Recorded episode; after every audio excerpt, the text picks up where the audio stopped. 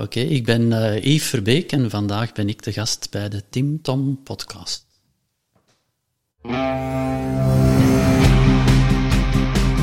Welkom bij de Tim Tom podcast. Ik ben Timothy. En ik ben Tom. Samen zijn wij jouw GPS naar geluk en succes. Dag lieve luisteraar. Ik kan me zo maar voorstellen dat je tijdens het luisteren van deze podcast plotseling zin krijgt om van alles op te schrijven. Wat zou jij nu werkelijk willen met al die inspiratie en al die inspirerende gasten? Maar dat is nogthans helemaal niet nodig. Oeh, dat is niet nodig. Hé, hey, kan ik dat niet allemaal niet onthouden? Ze? En uh, wie gaat dat opschrijven voor mij? De kaboutertjes misschien? Nee, maar dat hebben wij al voor jou gedaan. Surf naar www.timtompodcast.com en daar vind je een blog boordevol tips en wijze inzichten van onze gast. En als je er dan toch bent, download dan meteen ons gratis e-book vol boekentips, luistertips en nog meer inspiratie voor jouw persoonlijke groei. Ja, dag lieve luisteraars. Welkom bij alweer een nieuwe aflevering van de Tim Tom Podcast. En uh, ik vind van Bambost, je zit er redelijk ontspannen bij. Ja, ik wou net zeggen, we zitten er uh, enorm ontspannen bij. Ja, en, uh, het, ja, vandaag weer een, een, mooie ervaring opgedaan. En ja, we zitten hier in die ervaring de podcast op te nemen.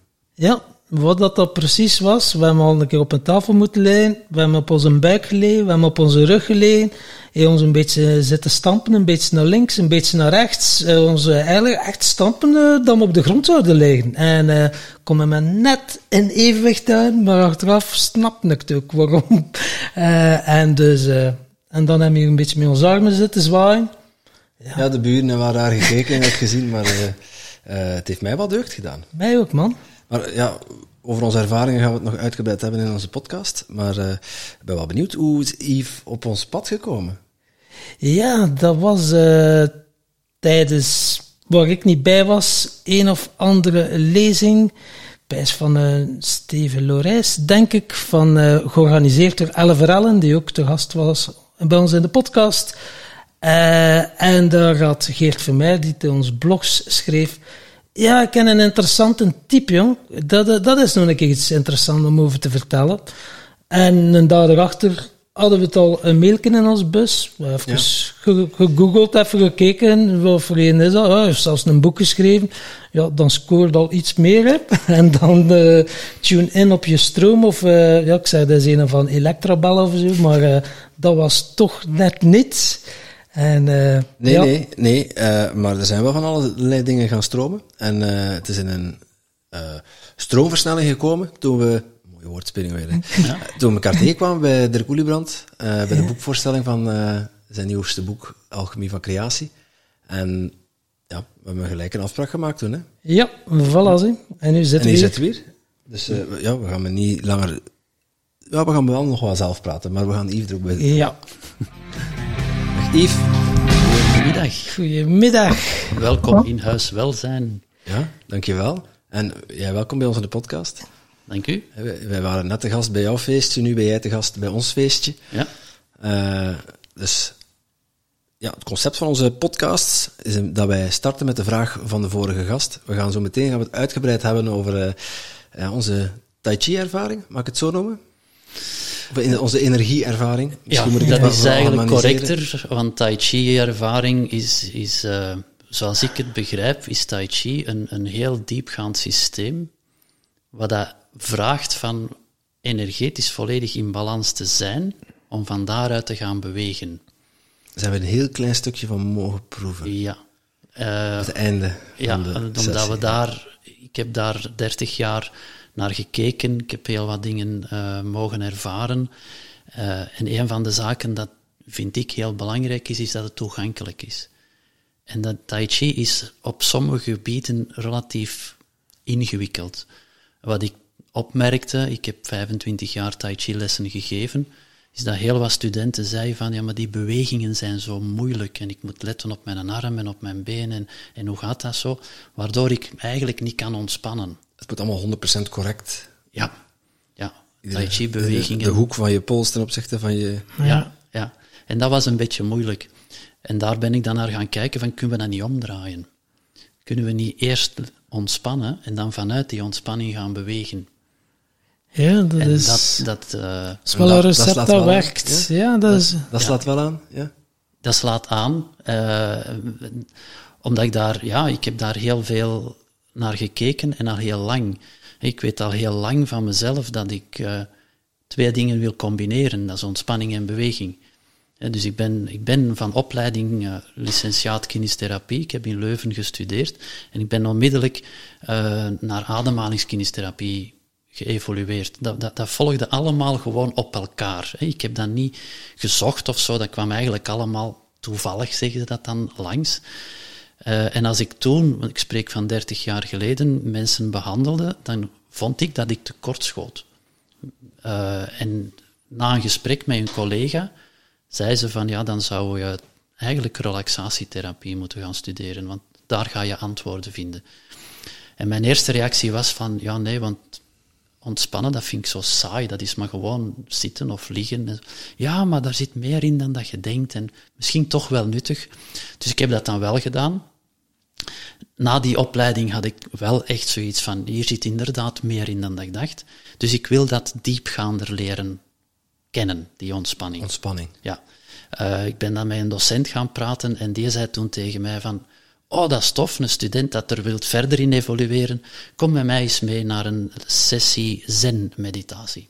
Door een zen-monnik Je gegeven. moet altijd mee oppassen. De mensen, als de professor zegt, kom maar eens mee, mee met mij, we gaan eens lekker samen ontspannen. Ja, ja, je weet nooit wat dat eruit voortvloeit. Maar het was een, eh, je werd uitgenodigd voor de zen-ceremonie. Eh, een, een- niet echt ceremonie, maar echt een, een, een zen-moment. Ik heb daar een uur mogen zitten. En na dat uur kwam dus die docent naar mij en wat, wat vond je ervan? Ik zeg, dit is het absoluut niet. Ook een mooi inzicht. Ja, en waarom niet? Ja, eh, ik, ik zit hier heel een tijd stil en ik wil bewegen. En daar is dat zaadje geplant. Gelukkig zei die een docent toen van, als je dat doet, dan zou je eigenlijk tai chi moeten gaan doen. Want daar ga je ontspanning en beweging combineren. En zo ben ik in tai chi gerold. En dan heb ik het geluk gehad van een hele tijd met een tai chi meester uit Amerika te mogen oefenen. Tot ik op een punt kwam van, ik voel dat ik verder kan, maar het, gaat hier niet verder. Eh, en dan zeggen ze in het oosten, als de leerling klaar is, komt de meester langs. Hè. En dan heb ik een tai chi meester mogen ontmoeten die echt een heel hoog niveau had, echt wereldniveau had. En daar heb ik twee jaar en een half privé onder mogen trainen. En die heeft mij op een bepaald moment iets gedaan. Zijn woorden wat, was ook een Amerikaan, maar gelukkig woonde hij in, eh, in Antwerpen. Eh, hij heeft op een bepaald moment gezegd, I have to pull it out of you. Your tai chi is still empty. Uw tai chi is nog leeg. Ik moet het uit u uithalen. En hij heeft een aantal dingen gedaan. En dan zei je gewoon van, and now go practice. En nu Ja, gaan met- maar oefenen. Letterlijk met een scalpel of met zo'n ontstopper eruit getrokken. Eh, met zijn handen. Allerlei dingen, maar echt gedurende misschien drie minuten. Hier en daar aangeraakt op mijn schouders en op mijn buik en op mijn knieën. En dan zei je van, en nu moet je gaan oefenen. En dan zei ik van, ja, maar waar moet ik op letten? Ja, nee, nee, nee, ga maar oefenen. En dat is eigenlijk meer de, de Oosterse filosofie. Hè, van als je oefent, ga je wel ontdekken over wat het gaat. Hier in het Westen hebben we graag dat we weten, ja, maar waar moeten we op letten? En dus dat ben ik gaan, gaan bekijken. Op het moment dat ik door had wat hij gedaan had, dan ben ik gaan kijken van hoe kan ik dat nu wel op een bepaalde manier overbrengen. En daar heb ik toch jaren mee bezig geweest. En dat, in alle bescheidenheid, staat voor mij nu op punt. En dat noem ik dan ook het nieuwe bewegen. Dat is een andere manier van bewegen. Ook al is het het natuurlijke, we zijn het niet meer gewoon. En dat is wat ik nu wil eh, meer en meer kunnen doorgeven. Ja. Prachtig. En Maar, wat ik ook eh, jullie heb laten ervaren. Dat is eh, heel mooi, maar het komt wel nog altijd niet aan de vraag van de vorige gast. Ja, dat, dat was inderdaad, dat was het, dat wilde ik inderdaad. dat heb ik al aangegeven. dat is inderdaad Ik wel... ben eh, benieuwd.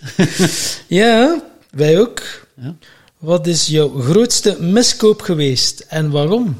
Miskoop. Ja. Ehm, een eigen centrum. Ik heb in 2000 heb ik dat geopend. Maar dus iets daarvoor heb ik dat aangekocht. Goh, dat is eigenlijk ook een, een, een historie. Ik zal een lang verhaal kort maken. Ja, de, de verhalen mogen lang zijn ook. Zo. Oké.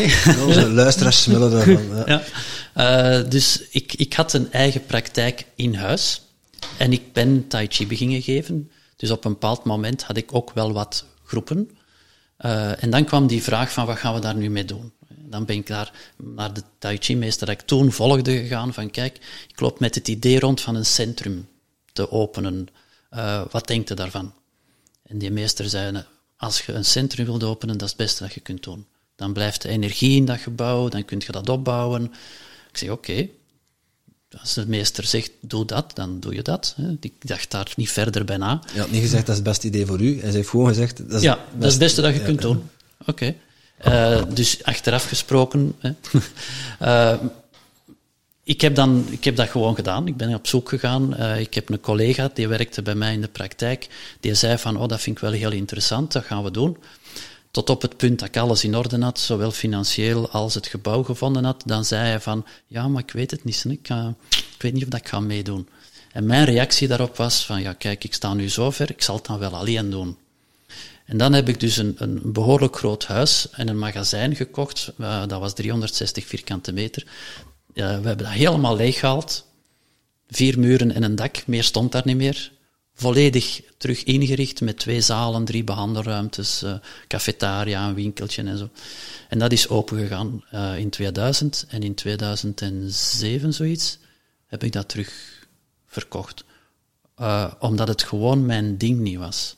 Je Ah, zit heel daar, organisatorische? ja, of- ja, dus je moet dan een heel centrum gaan runnen en je moet dat organiseren en je moet zorgen dat er groepen zijn en eh, je moet dat onderhouden. eh, Dat, dat was mijn ding niet. Dus op een bepaald moment, letterlijk, een of andere open deurdag, ik had die volledig georganiseerd, ik keek naar mijn programma en ik had het gevoel van, ik mis hier iets. En toen ik het programma deftig bekeek, miste ik mezelf. Ik had iedereen erin gezet, maar mijn eigen was ik vergeten. En, en ja, da, da- dan had ik direct, nee, dit, dit klopt niet meer. Ik wil, ik, mijn, mijn eigen vader is ook een leraar. Ik, ik sta enorm graag voor groepen, of ik werk enorm graag met mensen, maar niet achter de schermen alles gaan organiseren. Dat, dat, dat, dat kan ik niet. Dus dan heb ik dat terugverkocht. Dus dat was de grootste eigenlijk miskoop. En ja, ik heb geluisterd naar een Tai Chi-meester die absoluut wel het eh, goede met mij voor had, daar ben ik zeker van. Maar achteraf zei hij op een bepaald moment tegen mij, tussen, zijn, tussen twee zinnen in, om het zo maar te zeggen, van ja, als je dat centrum nu opgezet hebt om in de gratie van uw vader te komen, het wezen zo, ondertussen heb je toch maar laten zien dat je het kunt.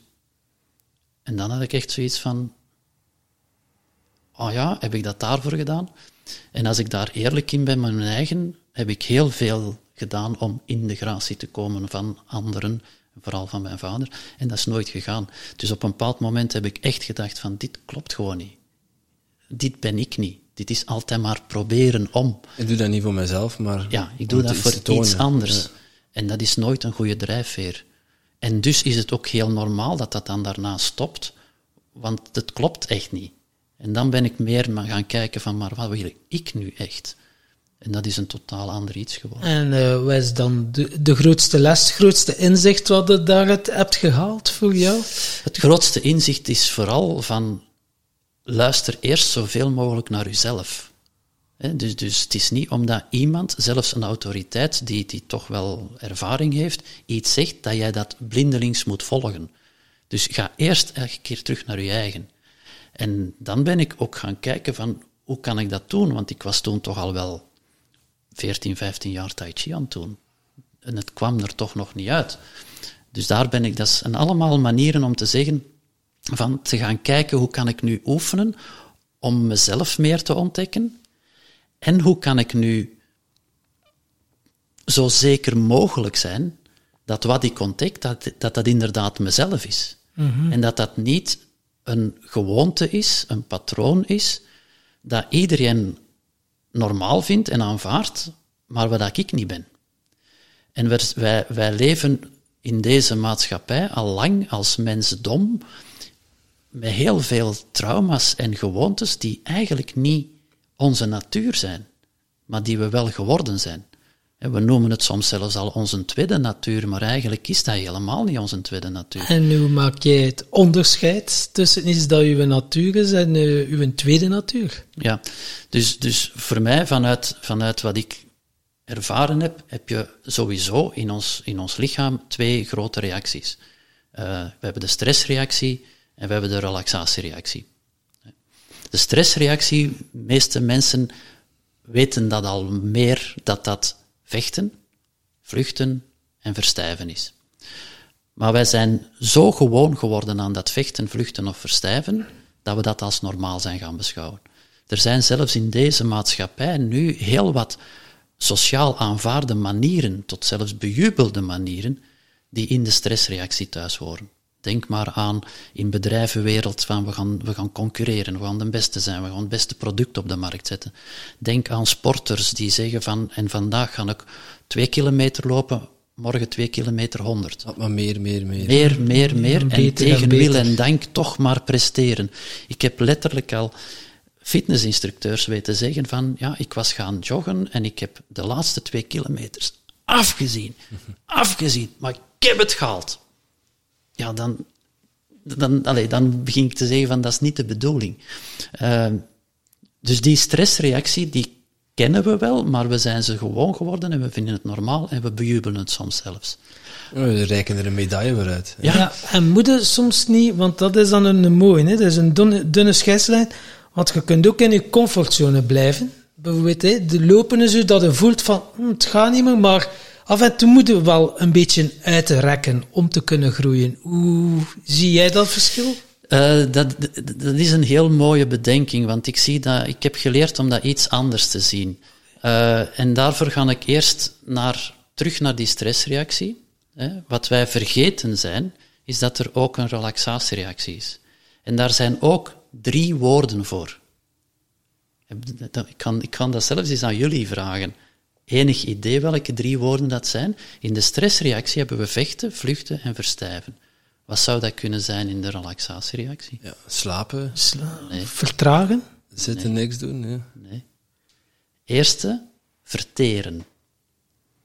Dus in de relaxatiereactie kan je verteren. Als een dier in de stressreactie zit, dan gaat dat niet verteren. Er zijn letterlijk geen stoffen in je lichaam aanwezig om echt te verteren. Dus als je te veel in de stress leeft, kan je niet op een goede manier letterlijk je voedsel verteren, maar ook andere dingen die je soms moet uh, energetisch of, of emotioneel verteren. Dat gaat bijna niet, want er zijn geen stoffen voor. Een tweede aspect is helen. Tijdens een gevecht ga je wondes hebben om te helen gaan ze liggen. Dieren gaan dan letterlijk en figuurlijk hun wonden likken. Dus er zijn geen stoffen in je lichaam aanwezig in de stressreactie om te helen. Dus als je daarop doordenkt, dat is wel een heel belangrijke. Want als je dus je niet goed voelt, kan je niet helen als je in de stressreactie zit. Maar als je dan angst hebt voor het gaat toch niet erger worden, of er worden allerlei dingen gezegd van het is wel heel gevaarlijk als je buiten komt, je moet je wel beschermen, want hè, dan kan je niet meer helen. Nee, je, lichaam, je wordt gedwongen door je lichaam. Hè? Ik, ik, ben, ik ben bijvoorbeeld, uh, ik, toen ik mijn burn-out kreeg, ben ik ook fysiek klachten beginnen krijgen. En op een mhm. gegeven moment, ja, ik kon niks meer. Mhm. En mijn lichaam trok gewoon de stekker eruit.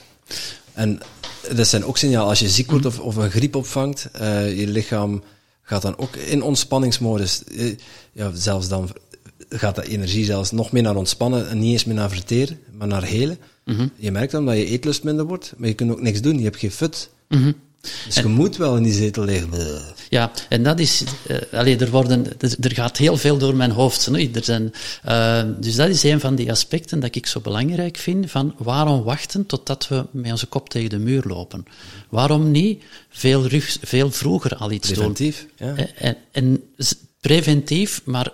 Preven, nee, niet maar, en preventief in de term van uh, het versterken van uw gezondheid. Dus er zijn drie, drie manieren, dat heb ik eigenlijk ook uit de, uit de we, we gaan Chinese geneeskunde. Het andere ja, ik, ik, ik, kom, ik kom aan dat derde. Okay, ik, kom, ik kom eraan. Ik onthoud het. Uh, dus je kunt ziektes genezen, curatief. Je kunt preventief ziektes voorkomen, maar je kunt ook je gezondheid versterken. En als je gezondheid versterkt, moet je niet meer preventief en zeker niet curatief. En als dat dan toch gebeurt, ben je zo sterk, als er dan toch een virus of een bacterie binnenkomt, ben je zo sterk dat je dat ook aan kan. En dat zit hem in die derde luik van ontspanning. Verteren, helen en leven. Wij leven in de relaxatiereactie. Dat is normaal.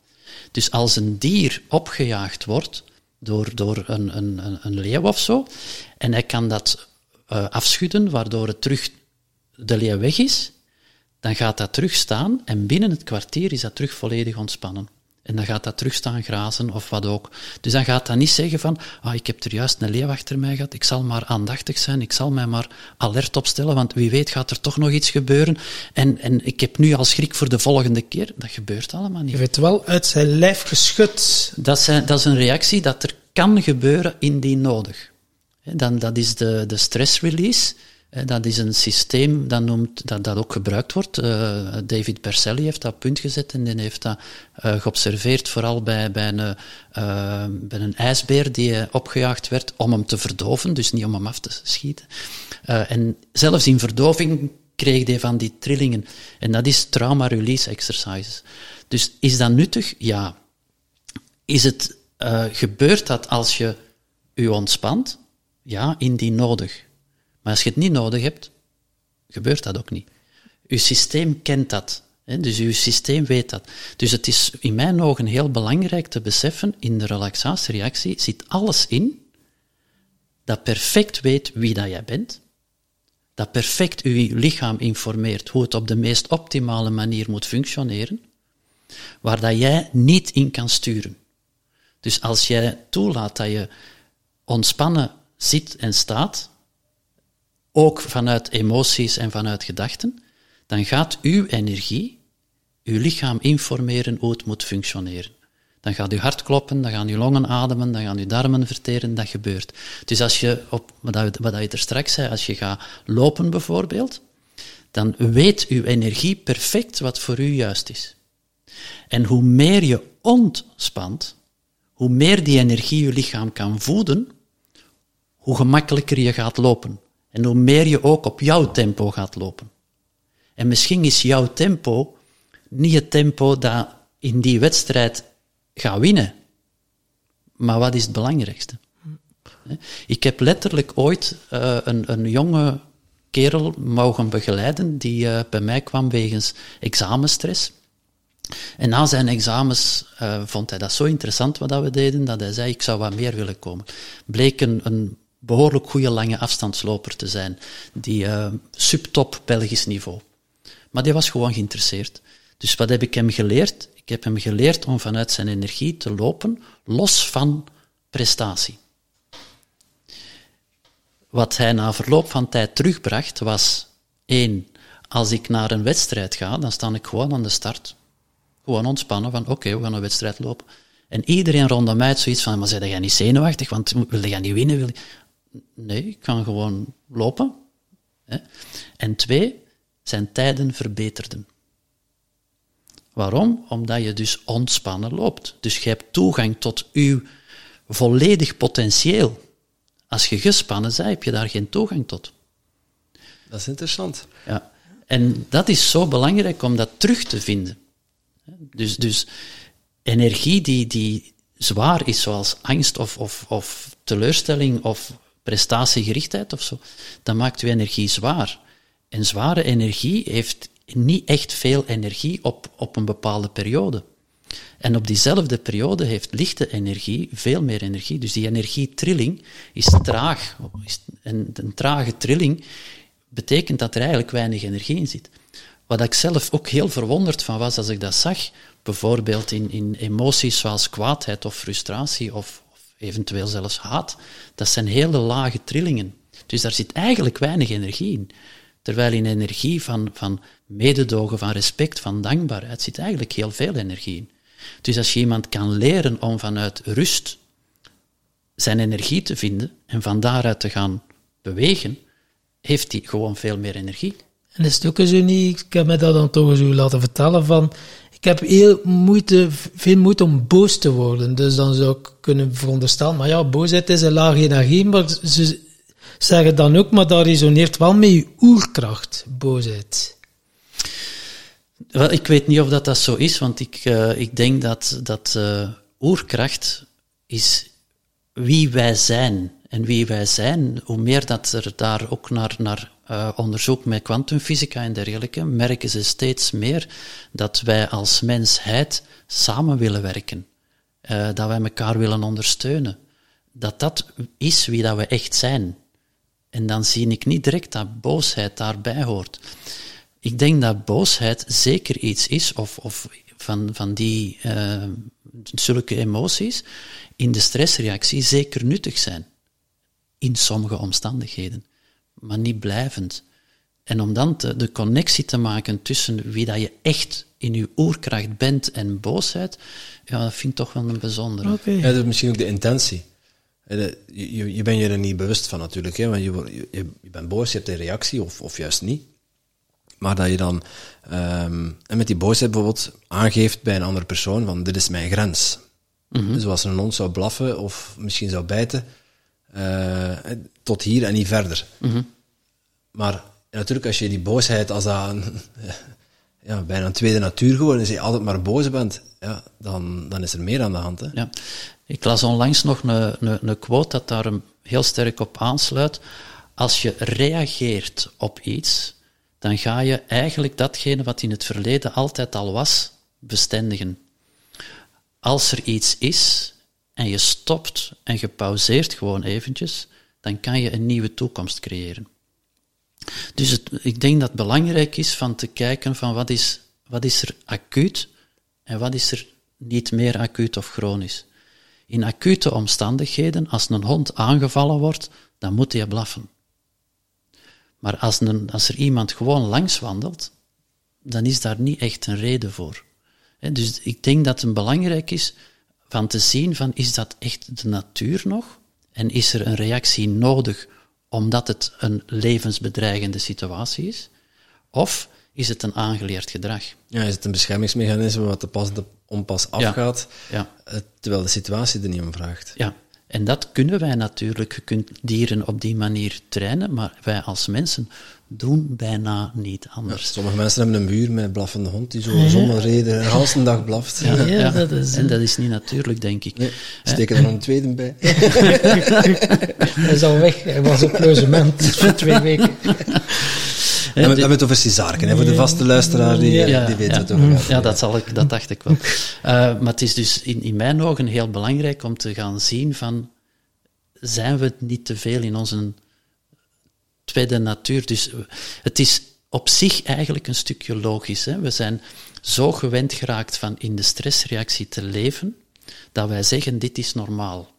Maar we zien dan toch heel wat gevolgen daarvan. Je hebt over burn-out gesproken. Dat is gewoon omdat uw energie niet meer ziet zitten. Uw lichaam zegt dat niet direct, maar het is uw energie dat tegen uw lichaam zegt van, hé, hey, het gaat hier niet meer. En zo zijn er nog heel wat andere klachten.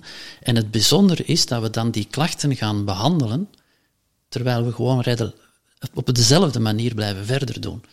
En dat is opvallend. En ik denk dat het nuttig is om dan te gaan kijken van, ja, wacht eens even, als ik op die manier handel, kom ik in problemen. Misschien moet ik eens zien of dat ik op een andere manier kan handelen. In plaats van, ah, we gaan die problemen oplossen. Want als je op een andere manier gaat handelen, gaan die problemen niet meer ontstaan. En dan spreek ik echt niet alleen over je fysiek, maar dan spreek ik echt maatschappelijk, familiaal, uh, tussen vrienden, uh, in bedrijven, is eigenlijk hetzelfde principe. Dus als we in staat zijn om te trainen om je eigen lichaam te kunnen ervaren zonder dat je daar moet tegen vechten of zonder dat je moet spanning maken om iets te bereiken, maar dat je echt kunt zeggen van nee, ik luister naar mijn echte natuur. En als je naar je echte natuur luistert, voor mij, ik blijf dat nog altijd, ik heb 30 jaar training. Als ik ga zitten of liggen en dan gewoon zeggen van oké, okay, ik, ik kom tot rust en ik luister naar mijn eigen natuur, vind ik moeilijker dan wanneer ik ga staan en beweeg. Mijn okay. energie weet perfect hoe ik een oefening mag uitvoeren. En het is duidelijker in de beweging wanneer mijn, mijn, mijn ego of mijn patroon overneemt en zegt van, kom aan, we gaan nog wat verder. Terwijl als ik dan zeg van nee, ik ontspan daar verder in, dan kan mijn energie, mijn lichaam veel verder meenemen. Dus wij moeten geen spanning maken om te bewegen. En ik denk dat het heel nuttig is van te gaan kijken, is het niet interessant van energie en tijd te steken in het ontdekken, in uw ontspanning van wie je werkelijk bent en hoeveel energie je eigenlijk echt hebt en wat die energie u vertelt, om van daaruit dan te gaan bewegen, dan dat we altijd maar tijd en energie steken in, we hebben hier problemen en we moeten die proberen op te lossen. En hoe zie jij dan, bijvoorbeeld, ze zeggen ook om je gezondheid te uh, versterken, is soms ook interessant om je bloot te stellen aan stress. Ik denk dan aan het Wim Hof fenomeen, dus de koude blootstelling. Hè. Mm -hmm. Dat zijn toch ook wel hij, hij is eigenlijk een wetenschap op zijn eigen. Als ze hem controleren, ja, hij gaat elke keer die grens gaan opzoeken, koude blootstelling, om gezond te zijn. Mm -hmm. Maar strookt dat mee wat dat met jouw theorie dan? Uh... Ja, de bedenking dat ik daar inderdaad bij heb, ja, dat heeft zijn fysieke effecten. En als je dat toepast, is dat zeker nuttig. Uh, en ik denk dat iemand als een Wim Hof, voor zover dat ik die al bezig gezien heb, want ik ken die persoonlijk niet, maar ik heb al wel een aantal dingen gezien. Ja, wat dat die man doet, ja, dat is fenomenaal. Dus ik vergelijk dat een beetje met uh, een topsporter. Hè, die, die, niet iedereen is topsporter. Uh, en dan denk ik wel dat het nuttig is van te gaan kijken wie doet dat. Hè? En niet zomaar te gaan zeggen van we gaan in een ijskoud bad zitten. Ik denk dat dat voor sommige mensen zeer nuttig is, maar sommige mensen niet. En zeker als je toch naar, naar gezondheidstoestand kijkt, sommige mensen is dat toch wel een beetje gevaarlijk. Dus dan moet je toch wel gaan kijken, kan ik dat wel aan? Nu, ik vermoed dat zijn systeem, want dat systeem op zich ken ik niet voldoende, dat dat wel gradueel gebeurt, zodanig dat daar wel degelijk rekening wordt mee gehouden, dat er mogelijk problematiek zijn. Zijn er inderdaad wel onderzoeken dat hij dan random wat mensen doet en en ze zijn dan getraind door Wim Hof en dan gaan ze in de kliniek onderzoeken nu dat echt wat fenomenaal is. Dus, mm. Maar inderdaad, ja, de koude, ik neem ook elke dag een koude douche, maar als ik zou luisteren naar dat stemmetje, die zegt toch elke keer, pakt u een warme douche. Maar, maar toch doe ik het op, op, een manier dat ik zeg van, oké, okay, even die dingen. En ja. het doet mij wel goed. Ja, maar dus er zijn, en, en dat vind ik ook een belang, eigenlijk een heel belangrijke, ik zie heel veel verschillende systemen en technieken. En ik heb er zelf ook al heel veel gedaan. Hè. We hebben het er straks al TRE genoemd. Uh, er bestaan nog zo van alles en nog wat, hè, met, met, allerlei afkortingen van EFT en RTT en noem maar op. Het is allemaal heel waardevol. EFT. Ja. dat is de beste.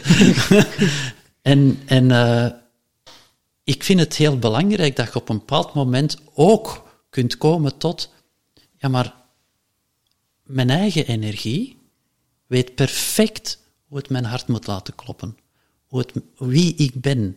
Als ik daar ook eens wat tijd aan ga geven om te zorgen van dat beter te leren kennen. Ik ben ervan overtuigd, en dat is, wat ik nu wil zeggen, is, is eigenlijk de kern van wat ik on, ervaren heb en een beetje ontdekt heb de voorbije jaren. Um, als je wilt verteren, als je wilt helen, dan is het eigenlijk de informatie van uw energie, wie jij werkelijk bent, die aan uw lichaam zegt van, zo moet je dat doen. Net zoals uw energie, uw, uw lichaam zegt, zo moet je hart laten kloppen, zegt ook uw energie aan uw immuunsysteem, zo moet je werken om bacteriën en virussen tegen te gaan. En dan is het voor mij een kleine stap, ook al kan ik dan niet direct kan niet zeggen, ik heb daar een wetenschappelijk studie dat dat aangeeft. Hè. Maar het is een kleine stap om dan te, te denken van, uw energie geeft ook aan uw lichaam de informatie hoe het de energie van patronen en gewoontes en trauma's moet transformeren. En als die energie getransformeerd wordt door uw lichaam, wordt die perfect naar de trilling van wie jij bent getransformeerd waardoor je zelf toeneemt, waardoor je beter leert kennen, waardoor je meer nog als uzelf in het leven kunt staan. Dus ik ben er echt van overtuigd dat als wij naar deze wereld komen, en we zijn in een baarmoeder heel klein, dan komt er een heel grote hoeveelheid energie. En dat ben jij.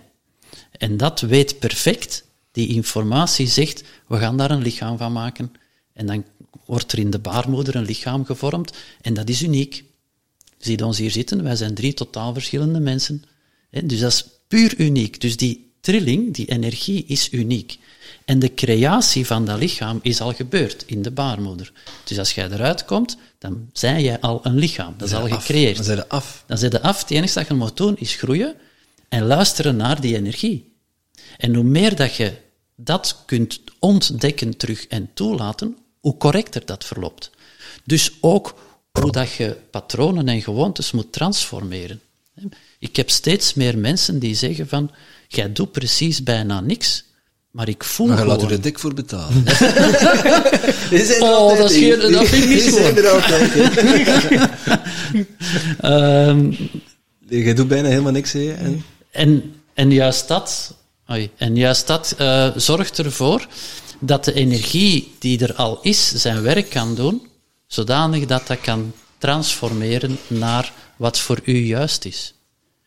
En dat moeten wij niet sturen. Dus ik, ik ben steeds meer voorstander. En ik druk erop, als je daartoe in staat bent, als het te zwaar is, te moeilijk is. Ik zal, ik zal mij verduidelijken. En stel, ik, ik begeleid zo iemand die heeft vrij veel pijn. Dan ga ik niet zeggen van, als je veel pijn hebt, ontspan. Want het enige dat hij zegt is van, ja maar... Ik kan dat niet. Dat gaat niet, want ik heb te veel pijn. Ik zeg altijd van... Kan als ik, ik dat niet zo? Ja, als ik met een namer op uw pink klop en zeg dan tegen u van, en u is het nu met uw rechterknie. Daar heb je er geen last meer van, hè? dan ga jij zeggen van, mijn rechterknie, hey jong, ik voel alleen maar pijn aan mijn pink. Maar dat pinkje is maar een heel klein deel van wie dat jij zei. Dus als je kunt trainen om je aandacht op iets anders te richten, zonder dat je ontkent dat die pijn er is, dan kan het, dan kan het systeem in gang gaan. Maar als je daar niet toe in staat bent, dan is het perfect oké dat er systemen gebruikt worden om te zorgen dat je daar wel toe in staat komt. Wat het ook is. Als die persoon zegt van ja, kijk, ik heb zoveel pijn, maar als ik een pijnstiller pak, dan gaat die pijn weg. Prima. En oefen dan. Waar ik aandachtig voor wil zijn is, ga dan niet stoppen. Zo van, oké, het is opgelost, op welke manier ook, klaar. Nee, dan begint het eigenlijk pas. En dat vind ik een heel boeiende. En van het moment dat je in staat bent om dat te doen, dan kan het helingsproces verder gaan. Op een manier dat blijvend is. En ik ben echt van overtuigd dat wij dat niet kunnen sturen, dat het blijvend is. Omdat wij niet weten hoe moet die trilling van bijvoorbeeld een trauma, van, van wat ook dat je, dat je meegemaakt hebt in je jeugd of, of in de baarmoeder of daarvoor, hoe kunnen we die trilling nu terugbrengen naar de trilling van wie wij werkelijk zijn? In mijn ogen kunnen wij dat met ons verstand niet sturen. Dus als we leren en trainen om dat toe te laten, dan kan je dat effect voelen. En als je dat effect voelt, dan kan je van daaruit eenvoudige bewegingen uitvoeren, waardoor het effect versterkt wordt. En in essentie is dat de weg naar Tai Chi, waar we dan mee begonnen zijn. Maar ondertussen ben jij wel aan het helen en ben jij wel uw leven een vorm aan het geven dat voor u steeds juister en juister is. Ja, daar zijn wij heel hard mee bezig. Ja, ja. Ja? ja. Ergens, en, en, ergens, dat, is, dat is fysiek, maar dat is ook natuurlijk in, in alle facetten van je leven uh, komt dat terug. Leef je, leef je vanuit jezelf of doe je de dingen voor, voor een ander? Mm -hmm. uh, en ja, ik, ik merk dat ook, dat nu wij daar zelf in evolueren, dat dat leven zichzelf steeds meer vormt. Het gaat vanzelf, het gebeurt. Het gebe mm -hmm. Sommige dingen gebeuren gewoon. Mm -hmm. En als je dan in de gaten krijgt hoe het in elkaar zit, dat is wel fascinerend. En, en die, met, die, met, die, met die energie van je, van uw eigen lichaam, de bewustwording daarover is wel een, een, uh, een interessante ontdekking om verder te cultiveren, moet ik zeggen. Ja. Voor mijzelf persoonlijk. Hè? Ja, ja, ja, maar dat is sowieso. En, en um, het bijzonder, voor mij, het bijzondere is, uw energie is al af. Ik zeg altijd, jij, jij bent al volmaakt. Je moet jezelf niet meer maken. Je bent dat al. Je bent al volmaakt. Dus het is zo interessant om te... Een boodschap voor iedereen die altijd zijn best doet. Je bent, Ja. al, je bent al je beste. Je, je Ja. bent eigenlijk al de beste vorm van jezelf, maar die is bezoedeld met allerlei gewoontes en patronen en overtuigingen die, wat jij niet bent. Ja. En zijn, soms- die zijn nut hebben gehad. die zijn nut hebben gehad en, allee, en, en die zeker ook eh, het een en het ander hebben getriggerd, waardoor dat je juist dat wat dat in u zit, dat voor u niet juist is, dat dat zichtbaar wordt. Want dat is wat ik, wat ik ook in, in, in uw opmerking daarnet hoorde. Uw energie is niet alleen in uw lichaam, dat vertrekt binnenin. Het vertrekt altijd vanuit binnenin. Het is altijd van binnen naar buiten. En van binnen naar buiten gaat dat doorheen uw lichaam, waardoor uw lichaam dus de nodige informatie krijgt om te doen wat het moet doen. En heeft een uitstraling rond uw lichaam. En die uitstraling, meer en meer zeggen ze van, kijk, dat is eigenlijk ongelimiteerd. Dus eigenlijk ben jij nu een mengeling van uw energie met energie van patronen, gewoontes, trauma's. En die uitstraling naar buiten toe zorgt ervoor dat jij ziet wat er op die energietrillingen allemaal aanwezig is. Dus zowel dingen die komen vanuit de uitstraling van wie je werkelijk bent, als dingen die komen vanuit de uitstraling van wie, wat je niet bent. En wat ik dan weer terug een belangrijke vind, dat, nuttig is om daar naar te kijken, va- wat wij dan gaan doen, is zien van, oké, er komen omstandigheden die zichtbaar worden, die komen niet naar u toe, maar je wordt ze wel, je ziet ze wel, hè, die niet aangenaam zijn. Dus wat gaan we dan doen? Dan gaan we zeggen, daar moeten we iets aan doen. Terwijl tegelijkertijd kan het niet anders, want jij kunt niet voor de volle 100% gespannen zijn, dat is, dat is onmogelijk, dat er ook situaties zijn die voor u wel juist zijn en wel goed zijn. En dan is mijn filosofie steeds meer van, daar ben ik in geïnteresseerd. En als ik toelaat, want voor mij is het, het woord toelaten gigantisch belangrijk, als ik toelaat dat ik het geheel zie, dan kan ik kiezen. Als ik zeg van oké, ik zie naar het geheel en ik kijk daar gewoon naar, omdat ik het allemaal toelaat. Niet van, en dat mag niet, en dat wil ik niet, en daar wil ik vanaf, en dat... Nee, ik, ik kijk er gewoon naar en ik laat alles toe. Dus als ik dat vertaal naar, je gaat gewoon staan en je laat alles toe. Welke emotie, welke gedachte, welk beeld, welke eh, gevoelens dat er ook naar boven komen, dat je ook opmerkt op dat moment dat je gewoon staat, je laat het allemaal toe. En juist dan kom je los van alles. Je moet niks loslaten, want als je iets loslaat, zet je de energie kwijt. Maar je bent los van alles omdat je het toelaat. En op het moment dat dat er is, dan kan je zeggen, oké, ik merk het geheel op en ik kies nu vanuit die vrijheid, omdat ik toelaat, om mij te richten op dat wat aangenaam is. Een aangenaam ontspannen gevoel, een rustige ademhaling, een helderheid in de geest. wat Een lijntje kook. Ja, ja, dat, als dat helpt. en juist dan, wat ik daar straks zei, kan dat gebeuren. Het is als je het geheel toelaat en je bent bewust van het onaangename en het aangename, en je doet daar niks mee, maar je kiest wel zelf van, ik kies mijn aandacht, mijn focus te houden op dat wat aangenaam is, dan ga je merken dat dat aangename toeneemt terwijl het onaangename afneemt zonder dat je eigenlijk moet weten van wat was dat onaangename nu eigenlijk. Want daar hoor je ook heel dikwijls van, moet je weten wat het is van, van trauma's dat je meegemaakt hebt of zo, om ze te kunnen loslaten. Nee, je moet dat niet weten, volgens mij. Maar op het moment dat je het echt toelaat, ga je het ook weten. Je weet het al. Want dan weet je het. Alleen weet je niet dat je het weet. Ja. Ja, maar op dat moment weet je ook dat je het weet. En dan zeg je van, ah, het gaat daarover, maar dat is niet meer belangrijk. Want dat is sowieso uit het verleden. En dat is sowieso niet van u. Dus als je op dat moment dat opmerkt, en ik vind dat dus cruciaal, dat je dan kunt zeggen van, oké, ik doe niks. Ik laat het allemaal toe in mijn lichaam. Dus dat betekent, ik doorleef het ook allemaal. Maar ik ga er niet in op. Ik ga er niet op in, ik vecht er niet tegen, ik vlucht er niet van, ik doe er niks mee.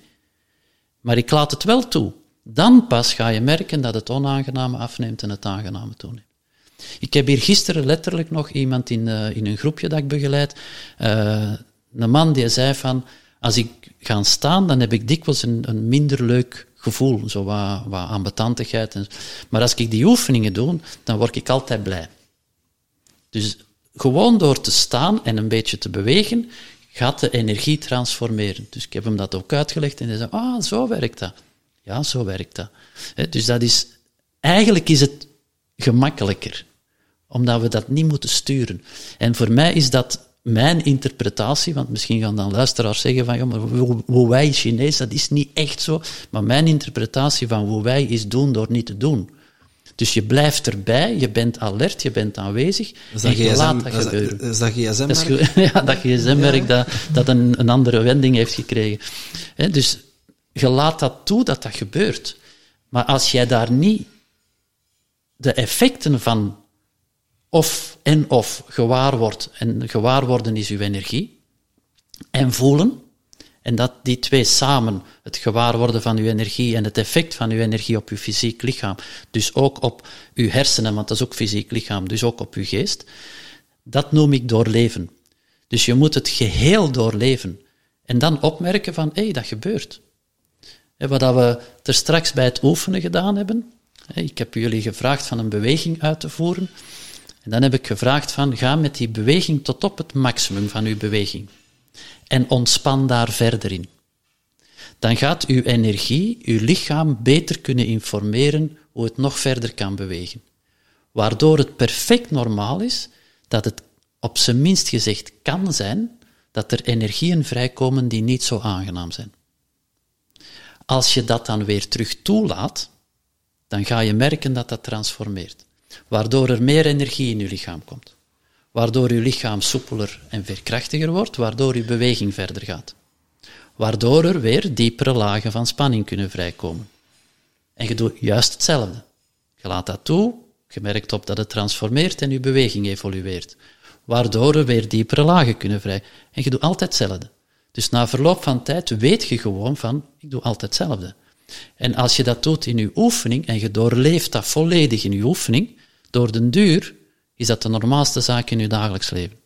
Ah, je komt iets tegen, je komt een probleem tegen op het werk of in het gezin, of, en je doet juist hetzelfde. Je laat dat toe, je merkt dat op, je gaat niet in op het onaangename, je bent er vrij van en je kiest om je te richten op het aangename.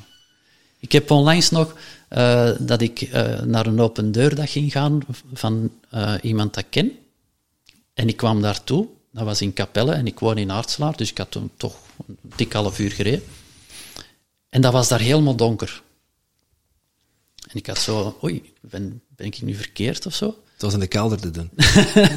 nee, het was... Het was uh, dus ik bel die persoon op, van, was dat geen open deurdag bij u vandaag?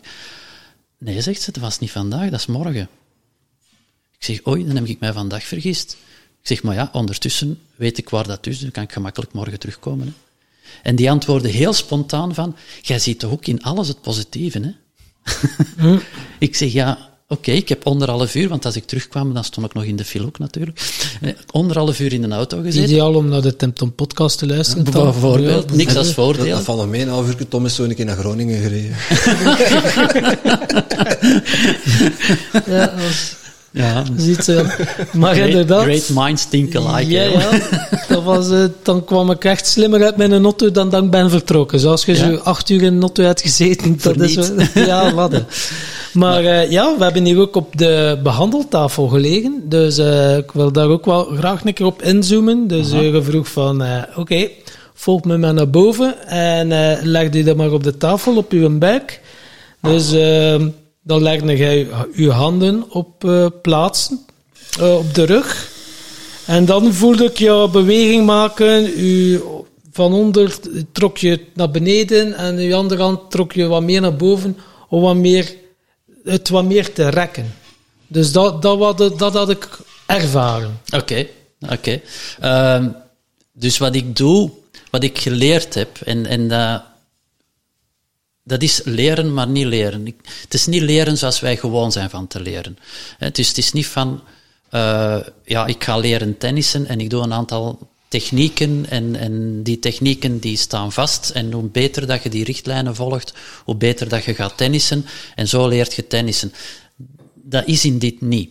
Uh, met die Tai Chi-meester, dank u, met die Tai Chi-meester dat ik al vernoemd heb, heb ik uren uh, gepraat van kunnen we dat in een systeem gieten Zelfs eventueel het systeem zoals bij karate of zoiets, dat ze met gordels werken en met kleuren werken.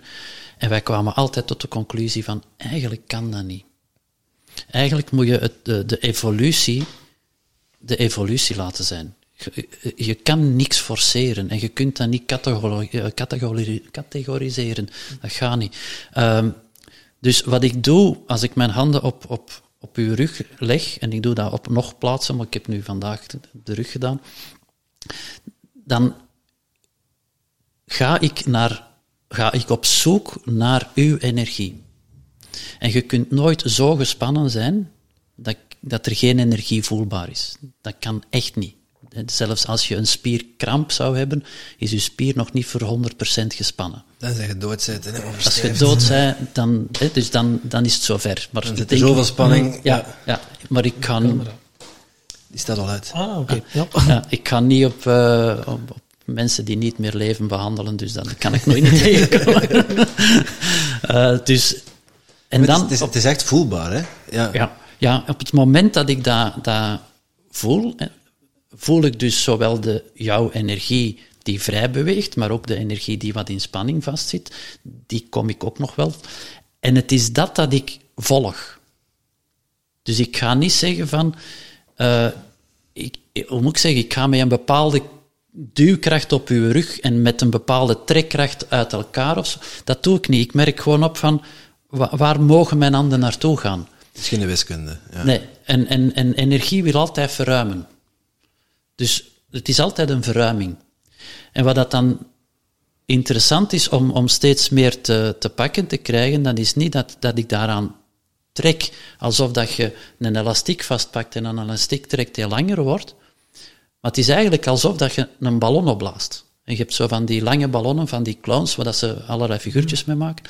Dus als ik mijn handen op, op, die, die, op de rug leg, dan is het, hoe meer ontspanning dat ik vind, hoe meer dat die een ballon precies opgeblazen wordt en ruimer wordt. Waardoor die van binnenuit gevoed wordt. En dat is juist het belangrijke. Als je een elastiek trekt, dan wordt die leeg. Maar als je een ballon opblaast, dan wordt die vol. En zo krijg ik steeds meer de volheid van, van bijvoorbeeld uw rug, met als gevolg dat uw energie uw rug weer kan voeden. Met als gevolg dat dat zijn effect heeft op uw rug.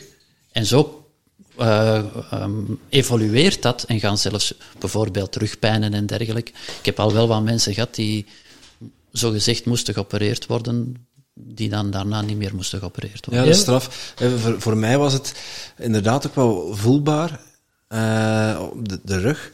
Dat wat je je handen legde, als, ze zo, als je ze naast elkaar hield, op het midden van mijn rug ongeveer, ik voelde die energie zo echt zo naar binnen duwen. Mm -hmm. En dat was echt, dat was ook een onaangenaam gevoel. Mm Zo, dat voelde niet comfortabel, dat voelde alsof mijn lichaam in een soort stressreactie ging. Mm -hmm. En wat ik opmerkte was ook dat, dat, dat er zo um, gedachten, meer gedachten opkwamen. Dus als mijn gedachten ongeveer, laten we zeggen, gemiddeld 50 eh, of gemiddelde, gemiddelde 100 is, mm -hmm. uh, dat op dat moment dat het 150 werd, qua gedachten. Terwijl als je de, de, de beweging naar buiten maakt, ik voelde zo ook alsof je vingers zo ook het verlengde van die energie naar, naar buiten duwde. Mm -hmm. En niet als een elastiek die, die op mhm. één punt zit te -hmm. trekken, maar dat het ook verder ging dan uw, dan uw handen. Mm -hmm. En dat was dan weer heel ontspannen en heel aangenaam. Uh, en, en, daar merkte ik op dat er bijna geen gedachten waren. Dus richting 20, 10 zelfs. Ja. Het is, het is zo, zo interessant te zien dat van het moment dat je energetisch begint te werken, uw energie voedt uw lichaam en uw lichaam zit ook uw hersenen. Dus automatisch heb je effect uh, lichamelijk en mentaal. En die effecten zijn ook emotioneel. En dus dat, dat, is gewoon, dat hoort er gewoon bij. He, dus dat, uw energie voedt alles. Dus van het moment dat je in staat bent, ik heb dat uh, al, al wel wat meegemaakt, omdat ze dan zeggen van, maar jij bent toch kinesist, hè? Ik zeg, ja, ben kinesist. Ja, ik heb zo wat, wat last van mijn schouder. Kun je eens voelen wat dat, dat is? Hè? En dan kun je dat misschien behandelen. Ik zeg, ja, maar dat maakt voor mij niet uit wat dat, dat is. Of dat dat nu een peesontsteking is, of het is een kapselscheur, of het is iets anders. Dat maakt eigenlijk niet uit. Want het is uw energie die de informatie gaat geven om dat te helen. Niet ik. Het enige dat ik doe, is zorgen dat er voldoende ruimte is voor uw energie en dat de energie zo goed mogelijk is. Je kunt dat, je kunt dat vergelijken met uh, in, een visje in een bokal. Je hebt een klein bokaletje en daar zit een visje in. En dat visje gaat niet gelukkig zijn, want dat heeft geen bewegingsruimte. Dus als jij gespannen bent, dan hebben je spieren en je pezen en je, je cellen weinig bewegingsruimte. Dus dan, dan, die gaan zich niet goed voelen. Het verschil tussen leven en dood is ook beweging. Dus een cel dat heel vrij kan bewegen, is sowieso al een stuk gezonder. Dus we hebben ons visje in dat bokaletje en we geven dat visje een grotere bokal. Dan kan dat veel beter zwemmen en dan zegt dat, ah, oh, dat vind ik goed. Ja, maar dat is niet genoeg. Hoe is de kwaliteit van het water? Als dat heel vervuild water is, gaat dat visje ook nog niet gezond worden. En vervuilde energie is de energie van patronen, gewoontes en trauma's die wij in ons meedragen. En die transformeren is het, uit, is het uitzuiveren van uw, van uw water. En als je dan aan dat visje zou vragen, water, hè, als je dan visje zou vragen, hoe is het in het water, dan gaat dat je aankijken en zeggen, welk water? Dus wij leven eigenlijk in energie. En als wij dan zeggen, ja, maar de energie rondom ons heeft ook invloed op ons, dan zeggen de mensen, welke energie? Want wij kennen dat niet. Energie zit, alles is energie. In uw lichaam, uh, jij bent voor meer dan 99% energie. En wij zijn voor minder dan 1% fysiek. En toch leggen we de nadruk op het fysieke. Dan missen we wel heel veel. Dus het is in mijn ogen heel belangrijk om die stap te gaan zetten. En Omdat fysiek ja, voor heel veel mensen tastbaar is. Hè? Ja, en dat is ook zo. Fysiek is ook tastbaar. Ja. Alleen het krijgt informatie van. En als die, als die, uh, als, als die kwaliteit van die energie, zoals de kwaliteit van water is, en die is niet goed, ja, dan kun je niet herstellen. Maar als jij iets meemaakt en je moet naar de kliniek, ja, die kwaliteit is niet altijd zo positief in de kliniek en, en er wordt soms nog wat meer angst aangeboden en zo. Dus dan kan die kwaliteit nooit goed zijn. Maar daar hebben ze pilletjes voor. Hè? En dan gaan ze, eh, eh, weet niet hoe ver dat ik daarin mag gaan, maar dan gaan ze zeggen van, ja, Je mag kijk, best zeggen dat de farmaceutische industrie ons ziek houdt. Ja, ja. ja. Die, die zorgt ervoor dat dat perfect in stand gehouden kan worden. En, en, dat dient zijn doel tot op zekere hoogte. Hè, bij acute dingen. Absoluut. Als ik mijn arm gebroken heb, uh, ik steek hem ook liever in de plaaster dan dat ik er zo mee blijf rondlopen. Ja. Hè. Soms is een operatie onvermijdelijk, omdat er hè, iets weggehaald moet worden wat, wat, wat, verkeerd groeit. Allemaal goed. Uh, maar we gaan wel heel snel grijpen naar, uh, ja, naar, de, naar het grof geschut. Hè. Mm -hmm. Naar het klinische, hoe noemde jij het? Uh, het, cure, het curatieve? Curatieve, hè. ja. De curatieve ja, en, zorg. En dat, dat, dat hoeft niet. Hè. Dus, dus ik, ik pleit er uiteraard voor van ja, als het acuut is, als jij. Uh, ik heb onlangs eh, iemand gehoord die had een acute longontsteking en, en, en een acuut uh, longvliesontsteking erbij. Ja, dan moet het tegen mij niet zeggen van we gaan zitten mediteren en we gaan zorgen dat we ons richten op aangename energie. En nee, dan zeg ik, ik ga naar de kliniek en zorg dat dat, dat, dat opgelost is. Maar wat ik wel heel belangrijk vind is, dat is niet het eindpunt. Van het moment dat je dan uit die kliniek bent en je voelt je terug beter, moet je niet zeggen, oef, nu kan ik terug voortdoen. Hmm. Nee, dan moet je gaan zeggen van, wat is er eigenlijk geweest waardoor ik geëvolueerd ben naar? En wat kan ik daar nu voor doen? En dan vind ik het een enorme meerwaarde, op zijn minst gezegd, om niet te zeggen nuttig tot nodig, van ook te gaan tijd en energie steken in wie ben ik eigenlijk echt. En dat is op dit moment, ben jij perfect hier en nu aanwezig zoals je bent. Oké, het is bezoedeld met een aantal dingen, maar wat voor u optimaal is, is nu ook aanwezig. Dus we moeten niet zeggen, we moeten dat gaan maken nog. Nee, nee, dat is er al. En dat is ook niet van, we moeten gaan graven en, en al die, die uh, van die najuin, al die lagen afpellen om toch maar daar diep binnenin iets te vinden dat we dan zijn. Nee, nee, dat is nu toegankelijk. Voor iedereen. Wie, wie is Yves? Als ik dan de vraag mag stellen. Ja, ik heb dat uiteraard door, door de jaren heen uh, gefine-tuned. Dus wat ik nu zeg, ik zeg altijd, ik ben met heel grote omwegen daartoe gekomen, maar het kan ook heel rechtstreeks. Yves is iemand die enorm graag uh, ontspant en beweegt. En mensen, de mensheid, als het ware, wil dienen vanuit wie hem is. Ik heb ooit een, een, meditatie meegedaan en dan moesten we naar beneden gaan. Dan kregen we daar een, uh, een cadeautje en dan kwamen we terug en dan moesten we dat cadeautje open doen. En dan zei ze van, er staat een tekst op dat cadeautje. Hè? Wat staat daarop als je dat papiertje open doet? En dan, staat er, uh, dan stond er bij mij op in die meditatie, you are a healing presence. En ook daar kan ik een, een over vertellen, maar ik ben zelfs als kind... Uh, is er een zomer geweest, ik weet niet meer hoe oud ik juist was, maar ik, ik, dacht, ik dacht 11, 12 jaar zoiets.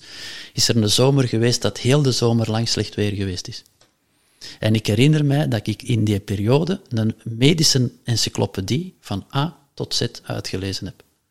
Ik verstond daar niks van, maar ik wou en ik zou die lezen. Dus van waar dat, dat komt, dat weet ik niet, maar dat zit in mij in. Dat is nu, nu niet echt de meest toegankelijke literatuur voor een kind. Nee, dus waarom doet een kind dat dan? Dus ik weet dat ook niet, maar het was wel zo. En uh, ik was altijd aan het bewegen. Dus dat zat in mij in. Iets zoeken om mensen en mezelf, uiteraard ook, in de eerste plaats zelfs, te zorgen dat ik op een gezonde manier blij en wel leef. En dat is dus iets dat ik nu gevonden heb met een systeem uh, en dat is hetgeen dat ik dan wil doorgeven ook. Dat ben ik. ik. En nu, sommige luisteraars die denken nu, ja, ja, Yves, die zuivere energie, wat kun je doen om zuivere energie te hebben?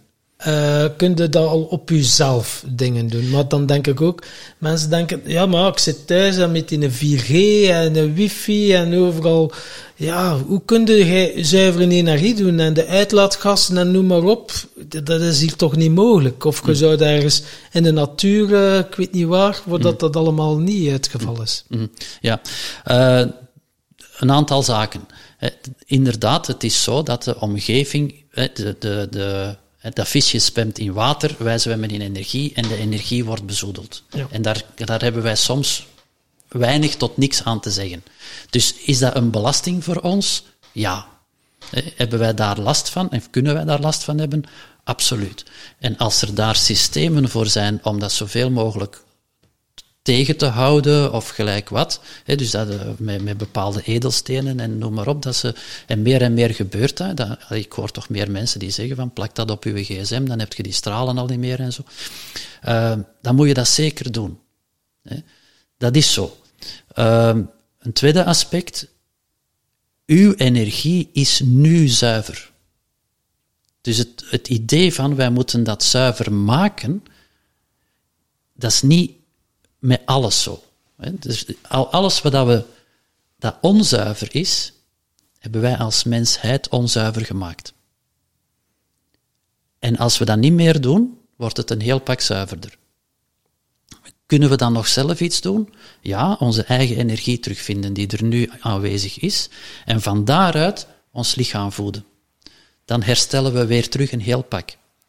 En mijn overtuiging is, en dat voel ik zelf aan de lijve ook heel sterk, als je echt jezelf voelt, dan heb je geen zin om het daarbuiten uh, onzuiver te maken.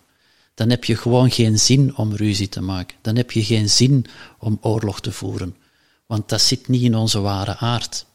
Dus ik denk als we op zijn minst gezegd ook de nadruk leggen op ga eens kijken naar wie je echt bent en kijk vandaar eens terug naar de realiteit. Herinner u, als we geoefend hebben op het einde, heb ik gezegd van, kijk, je hebt nu geoefend, sluit uw ogen en kijk door de bril van uw eigen energie naar de realiteit waar je in leeft. Hoe ga je leven? Wat ga je doen? Dus op dit moment, uh, ik weet absoluut zeker, ik blijf niet wonen waar dat ik nu woon, door omstandigheden. Ik ben nu al aan het kijken naar te zorgen dat ik op een manier ga wonen dat energie-neutraal is, dat ik de aarde niet belast door, door beton in de aarde te gieten uh, en dat zoveel mogelijk mijn, mijn energie gaat opgewekt worden met iets dat natuurlijk is, dat, dat oké is. Dus dat, en dat zat niet in mij in, allee, dat zit wel in mij in, maar dat kwam er nog niet uit twintig jaar geleden. Want dan heb ik ook gewoon een huis gekocht en, en, en, en zelfs een centrum gedaan dat ik er straks vertelde. Dus dat, dat, dat zat niet in mijn, mijn mind. terwijl nu wel. Dus van waar komt dat? Dat komt omdat ik meer en meer die connectie, dat, dat ik als ego kan zeggen van, oké, dat ben ik ik, ik kan mezelf terugvinden. En wat, wat zegt mijzelf tegen mijn ego? Ah, dat zegt dat, dat het heel belangrijk is dat, uh, dat, dat de omgeving proper is.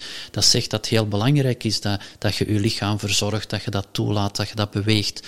Dat zegt dat het heel belangrijk is dat je je voeding bekijkt en dat je niet heel ongezond eet enzovoort. En dat is allemaal heel individueel. Dus is de informatie die naar boven komt ook heel individueel. En het is aan ons om daarnaar te luisteren en te kijken van wat kunnen we daar nu mee doen, ook in deze maatschappij en, in deze wereld. Je zei ook, ja, je lichaam geeft heel veel signalen en daar kun je heel veel uit aflezen. Wat jij zei dan, hè, klaar op tafel, je deed er iets met mijn armen. Maar, la, la, want daarnet spraken we over op onze buik, nu ligt dat op je, nu, nu zijn we naar, naar uw rug gedraaid. Ja, ja, ja, ja, En mocht ik er een beetje uh, met mijn armen en mijn benen, nee, hij deed gewoon niks doen en hij deed wat beweging met mijn armen en dan met mijn benen en dan zei hij ja, je armen bewegen soepeler dan je benen. En daar ook, dat was ook een, reden. Daar kon jij iets uit opmaken. Ja, uh, dus nadat dat ik, dat ik mensen op, op de buik heb behandeld, vraag ik altijd van draai maar even om. En dan uh, ga ik eerst, hè, zoals met dat visje dan een grotere bokal krijgt, een beetje ruimte in, die, in, in uw benen en in uw arm, uiteraard niet tegelijk. Dus ik begin met één been en ik geef dat wat meer ruimte. Dus het is niet dat ik aan dat been trek, maar ik ga voelen, die energie wilt weer verruimen. Zoals die een ballon dat opgeblazen wordt. En dan kan ik meer de beweging in dat been vinden. En dan ga ik daarmee mee. Dus ik beweeg niet uw been, het is uw energie dat uw been beweegt. En ik ga daarin mee. En dan vind ik het leuk op te merken van, en wat wil dat been nu doen? In principe als, uh, als uw energie uw arm echt volledig voedt, hè, zoals een spons dat water opslorpt, dan is die arm helemaal niet zwaar. Dan is dat been helemaal niet zwaar. Zwaarte is wanneer uw energie wat geblokkeerd zit, en dan wordt dat puur fysiek en dan wordt dat zwaar. Terwijl als die energie erdoor is en dat been mag bewegen, dan, wordt dat, dan beweegt dat heel aangenaam en vlot, ieder uniek. Eh, en daar haal ik al wel wat uit. Dus mensen die bijvoorbeeld, ik heb onlangs nog iemand die, die uh, op tafel lag, ik kon dat linkerbeen bijna niet bewegen. Dat was één blok beton. Maar hij beweegt dat niet, hij kon het dan zelf, zijn energie kon het niet bewegen. Nee, als, als, als je puur ontspant, als die persoon ontspant, gaat hij dus nog altijd in heel sterke spanning blijven, want je kent dan niet meer wat dat fysieke ontspanning is, dan kon ik dat gewoon niet bewegen. En voor mij is de, de benen zijn de stappen die je zet.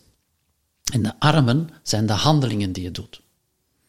Dus, en de linkerkant is de gevoelskant en de rechterkant is de actiekant. Dus als het linkerbeen zo geblokkeerd zit, dan heeft die persoon moeilijkheden met de stappen zetten die vanuit het gevoel aangereikt worden. Dus welk, wel, welk gevoelsmatige stap moet ik hier eigenlijk zetten? Uh, en dat kan gaan over hoe snel moet ik gaan, of hoe traag moet ik gaan, in welke richting moet ik gaan. Maar dat is informatie dat daarin zit. Dus als iemand zo geblokkeerd zit in dat been, dan komt, dat informatie, die komt die informatie niet tot dat bewustzijn door.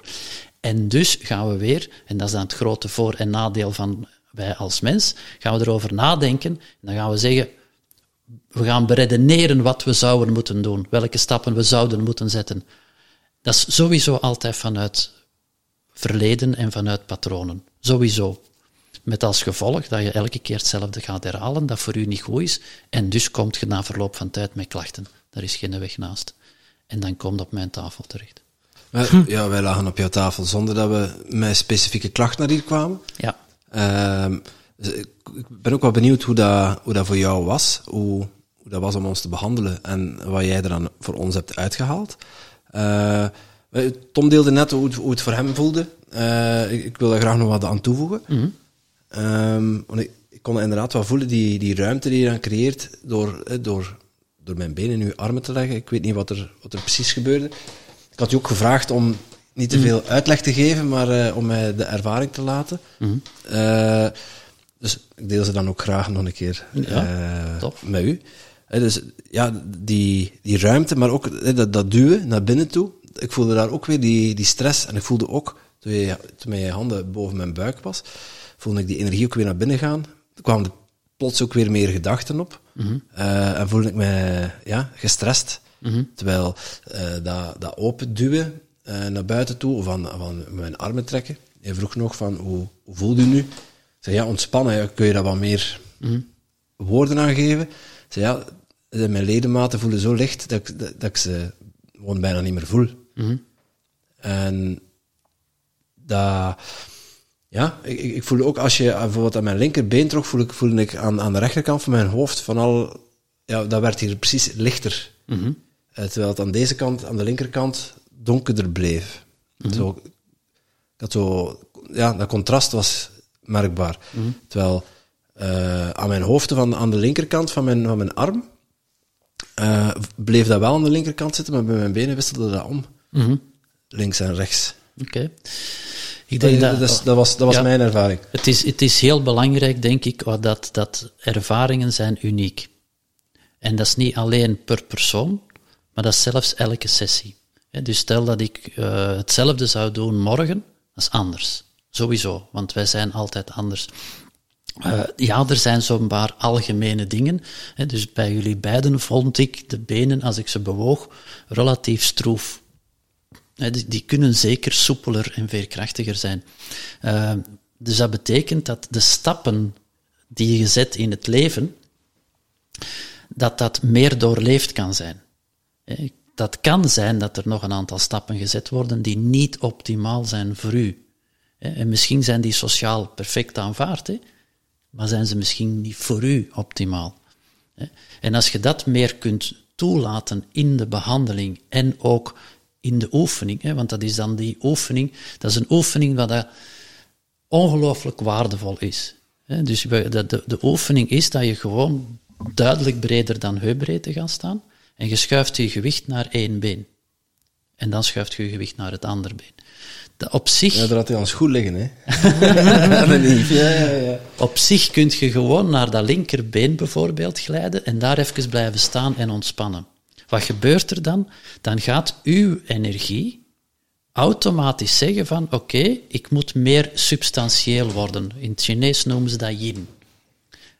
Dus ik kan proberen het geheel een beetje kort, kortbondig te zeggen. Als je op je yin en yang vergelijk ik met water en stoom. Yin is water, valt naar beneden, geeft aarding. Water is ook meer aardend. Yang is stoom, gaat naar boven, is hemel. Yin is donker en yang licht. Ja. Ja. Maar zorg dat je dat niet negatief gaat beschouwen. Ja. Dus Nee, nee, yin en yang als- is als- gewoon... Yang is stoom en gaat naar boven, Ja. en yin is water en gaat naar beneden. gaat naar beneden. Ah, Want in, ja, in dat- Japan is dat anders. Is omdat je, omdat je over yin-yang begint, ik- ik- dat ik, ik, ervaarde ook eh, dat, dat contrast. Ja. Eh, dat donker licht. Ja, ja dat is inderdaad yin-yang. Hè, Dus als je dan die oefening pakt en je, je staat in het midden, dan zijn er in beide benen evenveel yin en yang, 50%, 50%. Als je dan naar bijvoorbeeld links schuift en je beide voeten blijven op de grond, dat is gewoon op zich is dat eigenlijk maar een afspraak, dan is dat 70-30. Dus dan is je been waar je eh, op staat 70% yin en nog maar 30% yang. Het andere been is dan 70% yang en maar 30% yin. Moet jij dat sturen? Absoluut niet. Dat gebeurt. Maar dat betekent dat je leert van, ah, als ik een been heb waar mijn gewicht op staat, dan is dat vooral yin-energie dat daar actief wordt. Dus je kunt dat leren voelen. Je kunt ook je, gewicht, je aandacht op het andere been richten en dan kun je leren ervaren van, ah, dat is dus yang-energie. Als je dan bijvoorbeeld weet dat eh, onaangename emoties van frustratie en teleurstelling zijn eerder yin-emoties en aangename emoties zoals medeleven en dankbaarheid en, en eh, respect en mededogen, dat zijn yang-emoties. Dan kunt je voelen van, ah ja, dit is meer yin en ik weet hoe yang is. Ik kan toelaten dat die emoties terug naar de yang-energie gaan. Waardoor dat letterlijk je energie transformeert. Dus als je bijvoorbeeld, als ik het dan even kan of mag vertalen in mijn simplistische geest. Dus als je bijvoorbeeld Ah, ik dacht, nu de, de, de, de yin-energie, hè, en je voelt frustratie, en dan gaat je zo met je benen spelen, hè, en je, en je, je leunt op uh, uw linkerbeen, maar gefocust je op je rechterbeen. Dus dan focust je op de yang-energie. Heeft dat dan invloed Mhm. op die frustratie? Mhm. Oké. Hè, dus als je, maar het is uiteraard ehm, heel zinvol, op zijn minst gezegd, van de ervaring in uw oefening te hebben. Van te zeggen van, bijvoorbeeld, je houdt uw focus volledig op uw linkerbeen. Je schuift met je gewicht daar naartoe en je linkerbeen wordt meer yin. Dus je begint te voelen hoe het is dat je energie meer yin wordt. Dan blijft je met je aandacht op dat linkerbeen en je schuift met je gewicht naar rechts. En dus wordt uw linkerbeen meer en meer yang. Rustig aan. Naarmate dat uw gewicht verschuift, wordt dat meer en meer yang. Dus je voelt van, ah, yin wordt omgezet in yang. En dan keert je terug en zegt, ah, yang wordt omgezet in yin. Dus je voelt die dynamiek. Yin wordt yang, yang wordt yin. En je voelt hoe dat, dat is op je been. Of in je been. En voor luisteraars die nu zoiets hebben, shit, ik, ik zou dat willen, maar ik kan het niet visuali- visualiseren. Kijk op onze Instagram, want we zullen een film kunnen opnemen wat Ja. dat is. At Tim Tom Podcast. Ja. Ja. Ja. Eh, en volg ons dan ook als je daar dan toch bent. Ja, ah ja. Eh, eh, en op die manier, als je dan die ervaring van bijvoorbeeld die frustratie hebt, dan ga je zeggen, hé, hey, dat ken ik. Vanuit mijn oefening. Dat ken ik. Maar ik weet ook dat er een ander gevoel kan zijn. En ik ga mij daar eens op focussen. Wat gebeurt er dan met mijn frustratie? Ah, die frustratie verandert. Dat garandeer ik u. En dan is het kwestie van, als die frustratie veranderd is in bijvoorbeeld geduld of vertrouwen, ga dan kijken naar de realiteit dat u frustreerde. Ik garandeer u, je ziet de realiteit anders. Je zult anders omgaan met de realiteit dan. Waardoor het probleem dat u frustreerde meestal al opgelost is, gewoon omdat je er anders naar kijkt. En dus eigenlijk die simpele oefening, die kan je bijvoorbeeld dagelijks doen tijdens je ochtendroutine of een paar keer per dag. Je, kunt, je mag dat zoveel doen als dat je wilt. Je kunt daar geen overdosis van hebben. Dus je mag dat zoveel doen als dat Mensen die met pensioen zijn, die zouden een halve dag kunnen doen. Zo, ah, zelfs als je niet met pensioen bent. Eh, maar dus, eh, ja, je kunt dat oefenen zoveel als dat je wil. Nu, gewoon heel concreet ook. Wij zijn over het algemeen niet in staat om echt genoeg te oefenen. Dat had ik op een bepaald moment ook wel door. Ik heb ook met die Tai Chi-meester eens gesproken van, wat zou je nu eigenlijk echt moeten oefenen elke dag om, om te evolueren naar bijvoorbeeld Tai Chi-meester?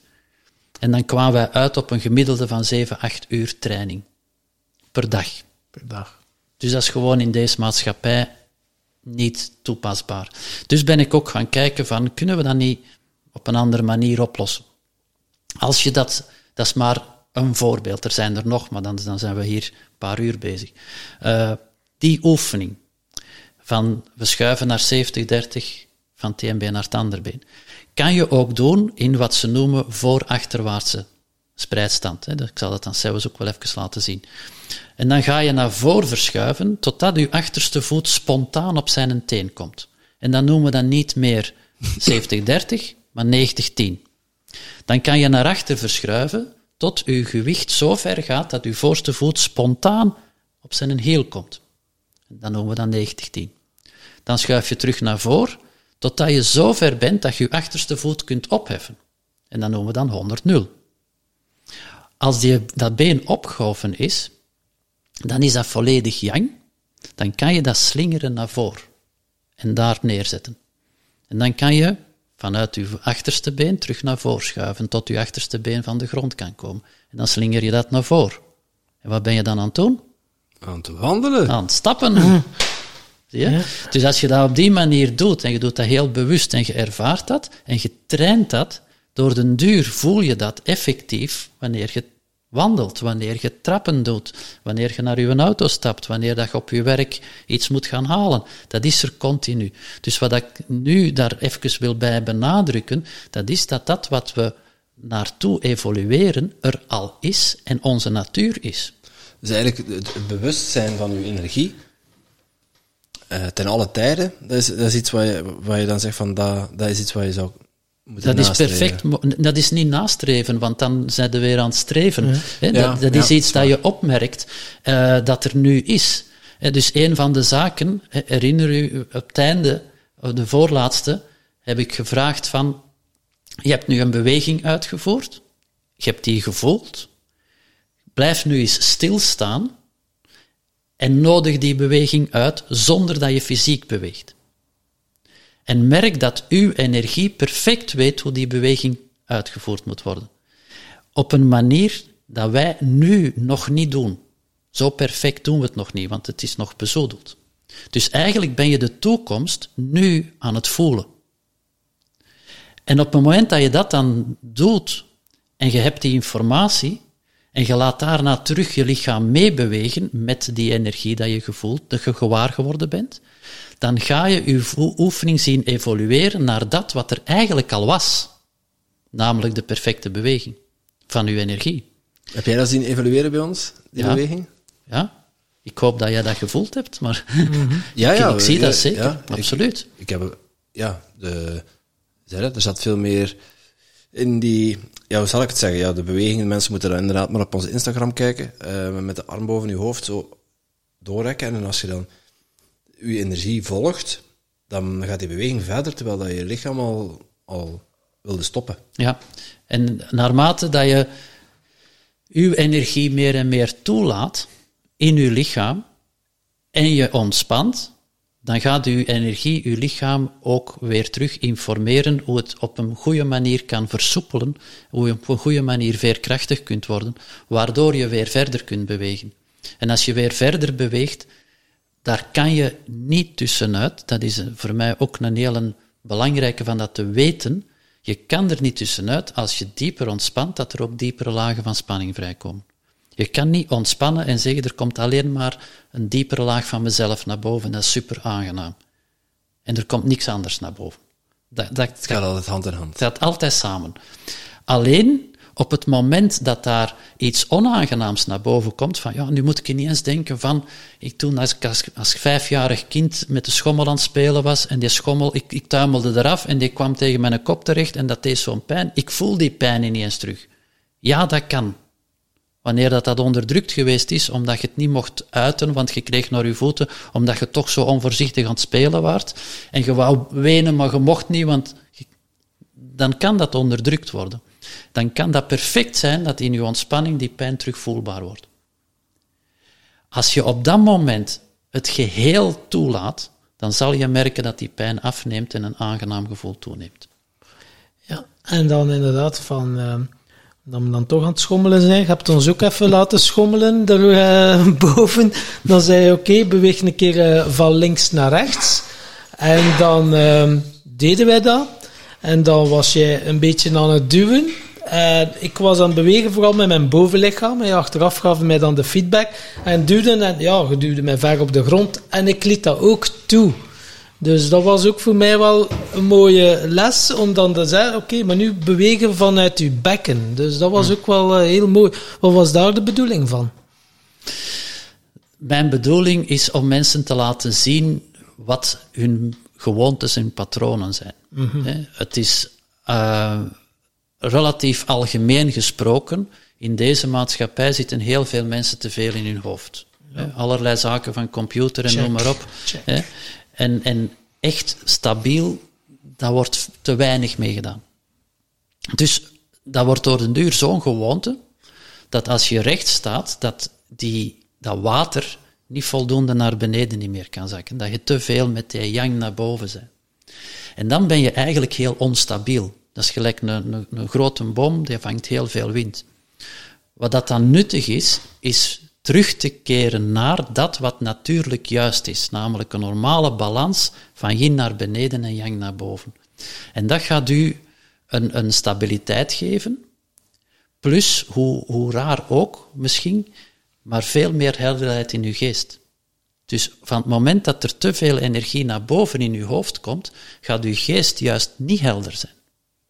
Er gaan veel te veel gedachten zijn en er gaat van alles en nog wat zijn dat je zegt, ik zie het hier niet meer. Er zijn echt wel wat mensen dat ik al uh, in begeleiding heb gekregen die zeggen van, heb jij hier geen knoppen hierboven om dat af te zetten? Want ik ben altijd maar aan het denken. Maar denken is iets dat je moet doen. Wat zeg je dan? Nee, maar wel een namer. ja, voor op uw pink te kloppen. uh, en dus, geen gedachten meer, hè? ja, ja. En, en ademde nu nog? Ook niet, ja. Nee, als je op die pink klopt. Hè. Als je op je Ja, pin klopt, dan is het probleem opgelost. Ja. Eh, dus ja, dus dan... Mooie titel voor onze podcast. Dus het is heel belangrijk om, om op zo'n moment te beseffen dat een, een, een perfecte verdeling van yin en yang in uw lichaam op alle gebieden, en dus ook beneden boven, zorgt juist voor de meeste helderheid in uw geest. Ja, want dat was echt wel... Mocht ik ervaren, wat dan zeiden van, kijk, ik duw u en jij, laat dat gewoon gebeuren. Maar wist ik veel wat ik moest doen, dus dat was voor mij ook een, dat was voor mij ook een mooie les. En dan zeiden, oké, beweeg een keer vanuit uw bekken. En dan, inderdaad, moest ik dan wat meer gewicht op mijn linkerbeen. En dan duwde, maar je, je duwde nog harder dan ervoor, maar ik stond wel stabiel. En ik ontspande ook nog in mijn bovenlichaam en in mijn hoofd. En dat was echt wel eh, voor mij, eh wow, dat was mind-blowing. Echt Ja. wel. Dan had ik zo, wauw, ja, Ja. zo had Ja. ik het eh, nog niet bekeken. Ik Ja. weet niet hoe dat, dat voor u was. eh. Ja, we- we- eh, ik weet niet hoe dat bij u is gegaan, want wij hebben elke Ja. apart de sessie ondergaan. Eh, voor mij was dat inderdaad vergelijkbaar. Dus zet je voeten op eh, iets breder dan schouderbreedte. Ik nam dat dan letterlijk. Iets breder dan schouderbreedte. maar ook geen centimeter meer. En eh, ja, beweeg nu naar links, naar rechts, geen idee. Of ja, doe maar wat dat voor u juist voelt. Dus eh, wat bewegen en ja, tot, tot, bijvoorbeeld naar links, tot, ik denk 90% of zo. Ik stond nog met mijn rechtervoet op de grond, maar die kwam toch al Ja. aardig van de grond. Maar ik stond stabiel eigenlijk op dat ene been. Dus eigenlijk bijna 100%. Eh, en dan wisselde ik naar de andere kant. Ja, en dan begon het hem eh aan patant te doen. hè, die lief. een duwtje links en een duwtje rechts. Ik ging alle kanten op. Hè, ja. Ja. Kijk, dat, en dat is iets wat ik heel, heel, heel veel zie. Ehm, ik merk in het algemeen dat mensen heel gemakkelijk, en zelfs de, de Tai Chi-meester dat ik volgde op het einde, die, die zei, it's scary, hoe gemakkelijk mensen meegaan.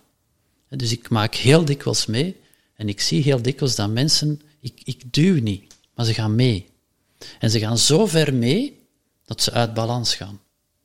Ja, dat is niet de bedoeling. Maar wat we niet weten, dat is, als we dat niet doen, ja, wat is de optie? Want eigenlijk, als je meegaat met, dan vlucht je van jezelf.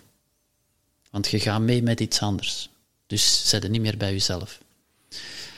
Je hebt vechten, vluchten en verstijven. Dus wat meestal gebeurt, is dat mensen één van die drie doen en ze zien geen andere optie. Terwijl er wel degelijk een andere optie is. En dat heb ik u dan laten voelen daarna, van ga nu eens wat breder staan. Ik duw, want ik, in het begin duwde ik niet, ik ging gewoon mee. Hè? Wel, Het leek, ik kon dat niet Nee. tegenhouden. Het leek Nee. echt alsof je mij omduwde. Ja. Ja, ja. Terwijl dat, dat eigenlijk je eigen energie was dat dat deed. Dus dat is heel bijzonder, hè? Ja. Want wij doen dat zonder dat we het weten. Wij gaan mee met energieën zonder dat we het weten. En daardoor gaan we uit balans. En nou zijn nog zo gezegd, niet met vreemde mee. En Maar toch- doe het zelf, ja. Ja. Hè, en dan ga ik zeggen van, oké, ga nu wat breder staan, schuif je gewicht een beetje naar je linkerbeen. En nu ga ik eens duwen. En blijf gewoon staan. Vecht niet tegen, ga nergens van weg, maar blijf gewoon staan. En merk eens op dat uw energie weet wat het moet doen om te blijven staan. Dus ontspan daarin. En hoe meer dat je ontspant, hoe meer energie er opbouw komt, hoe meer energieopbouw er komt, want ik duw altijd maar harder en harder. Ja, er was juist meer stabiliteit daardoor. En dus komt er meer stabiliteit.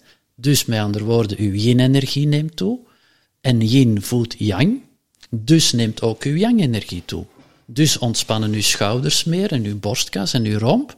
Dus krijg je meer helderheid in uw geest. Dus kunt je beter vanuit uw geest u blijven richten op ik blijf gewoon staan, waardoor de energie kan toenemen en je komt in cirkels terecht. Die, die Tai Chi-meester dat ik al een paar keer vernoemd heb, die was letterlijk maar een meter zestig groot. En een, eh, een eh, gebeurtenis dat we nooit zullen vergeten in, een, eh, in een workshop. Ze hadden hem een puntmuts opgezet. Nee. Ging hij dit even demonstreren. En er was op dat moment een, een student en dat was een boomverzorger. En letterlijk een boom van een mens. Echt een enorm, maar een hele sterke man. Zeer, zeer. Ik, had, ik heb nooit zo'n sterke man tegengekomen. En sindsdien ook niet meer. Dus dat is heel, heel, heel krachtig. En die Tai Chi-meester ging daar staan en die zei: Duw mij nu eens tegen mijn schouder. Zo hard als dat je wilt. En die gast, uh, ik zal je een keer. En die duwde zo hard als dat hem kon. En die meester die bleef gewoon staan. En we hadden echt zoiets van, wat doe jij nu eigenlijk? Dus we hebben dan ook gevraagd van, wat, wat, wat doe jij nu? Terwijl dat hij dus keihard aan het duwen was, zei hij gewoon van, I'm waiting for a bus. Dus met andere woorden, ik doe niks. Ik laat gewoon toe. En doordat hij zo ontspannen was en zoveel energie kon toelaten in zijn lichaam, kun je niet wegduwen. Want hoe meer dat je duwt, hoe meer energie dat er opgebouwd wordt in dat lichaam, waardoor er nog meer stabiliteit komt, waardoor je nog harder kunt duwen, maar er komt weer meer energie vrij en je krijgt die niet weg. Maar dat is very high level. Maar dus wat, dat, wat ik zo belangrijk vind, is het mechanisme dat erachter zit. Want dat kunnen wij allemaal. Wij kunnen allemaal trainen om steeds meer energie toe te laten. Ja, zoals al gezegd, dan komen er ook patronen en gewoontes en trauma's vrij die je doorleeft, waardoor je die transformatie toelaat, waardoor uw energie toeneemt. Door leven, helen, verteren. Ja. Ja, met als gevolg dat jij altijd maar sterker bent voor te doen wat dat voor u juist is en je hebt ook de informatie. En dat is mijn drijfveer op dit moment voor die trainingen. Dat mensen zorgen dat ze weten hoe dat ze moeten oefenen, waar dat ze op moeten letten, om te komen tot, wat ik net gezegd heb, zichzelf en altijd maar meer versterken. Ook wanneer er daarbuiten minder leuke dingen gebeuren. hoe meer, minder leuke dingen er gebeuren, hoe meer energie ervan krijgt. Als ik het... Op zich, ja. Als je het, eh, de sleutel, of als je de code gekraakt hebt. Ja, ja. En ik heb niet gezegd van laten we maar veel problemen creëren in de wereld, dan worden we allemaal sterker. Ze zijn er gewoon. Ze zijn er toch al. Dus kunnen we maar beter aan onze eigen. En dan noemen ze dan meestal zo van vind uw eigen kracht. Maar jij bent dat. Jij bent kracht. Jij bent adem. Dat is realiteit. Jij bent energie voor meer dan 99%. Ruimte is niet iets waar je energie moet zoeken. Ruimte is energie. Dus als ik in ontspanning tegen mensen zeg van, vind de ruimte, en daar kom ik eerlijk gezegd heel dikwijls tegen, pardon, heel dikwijls tegen dat mensen zeggen van, ik voel mij zoveel ruimer worden. Ja, dat is heel goed. Maar wat is die ruimte? Die ruimte is energie. En als die energie in uw lichaam toegelaten wordt, dan gaat dat uw lichaam veerkrachtiger en soepeler maken, waardoor er nog meer ruimte is om nog meer energie te vinden. En dat is een oneindig proces. Uw lichaam is een tovervat. En uw lichaam, net zoals uw hersenen is ook uw lichaam, is een tovervat. Dus er is geen eindpunt aan steeds meer energie toelaten. Nee. Dat is niet gelijk een... Behalve als je je energie haalt uit uh, Big Macs, dan... Uh, maar dat is geen energie. Uh, ja, dan wordt het ook... ja. maar dan maak ik... Maar dan wordt het zwaarder van, niet, wordt niet zwaarder van, ja. Maar eigenlijk, ja, mensen die een overgewicht hebben, dat kun je ook wel zeggen, ja, dan die enorm veel stress hebben, omdat ze niet verteren. Dat is een mogelijkheid. Hè, dus er, zoals ik zei, ik denk dat dat een heel belangrijke is. Er zijn evenveel mensen dan dat er situaties zijn. Iedereen is uniek. Mhm. Dus je kunt niet zeggen van, ah, we hebben hier iemand met overgewicht en het is sowieso dat hem niet kan verteren of dat er bepaalde spanningen vasthoudt of vastzet of dat hem een bepaald dieet zou moeten volgen, anders zou er niet zoveel diëten bestaan. Ja. Het is allemaal individueel. En wat ik dus ja, op zich, hè, misschien gaan ze zeggen van hij zegt altijd hetzelfde, maar eigenlijk is dat ook wel zo. Elke keer opnieuw komt dat terug van als je in staat bent om naar je eigen energie te gaan en te voelen en te ervaren welke informatie dat erin zit, dan zit daar ook de informatie in wat voor u juist is om bijvoorbeeld te eten. Of om te zeggen, uh, wat een, een, voorbeeld dat ik, en, en, iets dat ik dikwijls aan, aan, aan mensen in, uh, meegeef als we die oefening gedaan hebben van te stappen, van voordat je vertrekt, ga nu elke dag stappen.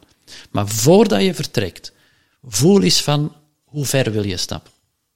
Voel eens van hoe rap wil je stappen. Voel eens van wil je stappen in de natuur of wil je gewoon naar de bakker stappen. Vang dat eens op. En als je iets opgevangen hebt, doe dat dan eens. En stel dat je zegt van, ja, ik heb zin om in de natuur te gaan wandelen gedurende een uur. Oké, doe eens. En merk eens op na een half uur van, zit nog goed? En merk eens op als je aan het stappen bent van, is dit wel echt optimaal? En misschien moet eens gewoon zeggen, weet je wat, ik ga eens een beetje trager. Ik ga eens opmerken wat er gebeurt. Ah, als ik trager ga, maar nee, voelt niet zo goed. Ah, ik ga eens een klein beetje sneller. Ah, dat voelt eigenlijk beter. Ah, ik ben hier patronen aan het doorbreken. Ja, ik ben hier is, mijn eigen tempo dat is ook het inderdaad wel grappig, want je kunt dan in je mind denken, ah ja, maar in het bos stappen is sowieso gezond. Dus dat je dan zegt, ah ja, ik voel, ik moet in het bos gaan stappen. Dat dat eigenlijk een programmatie is. Dat zo. kan ook zijn.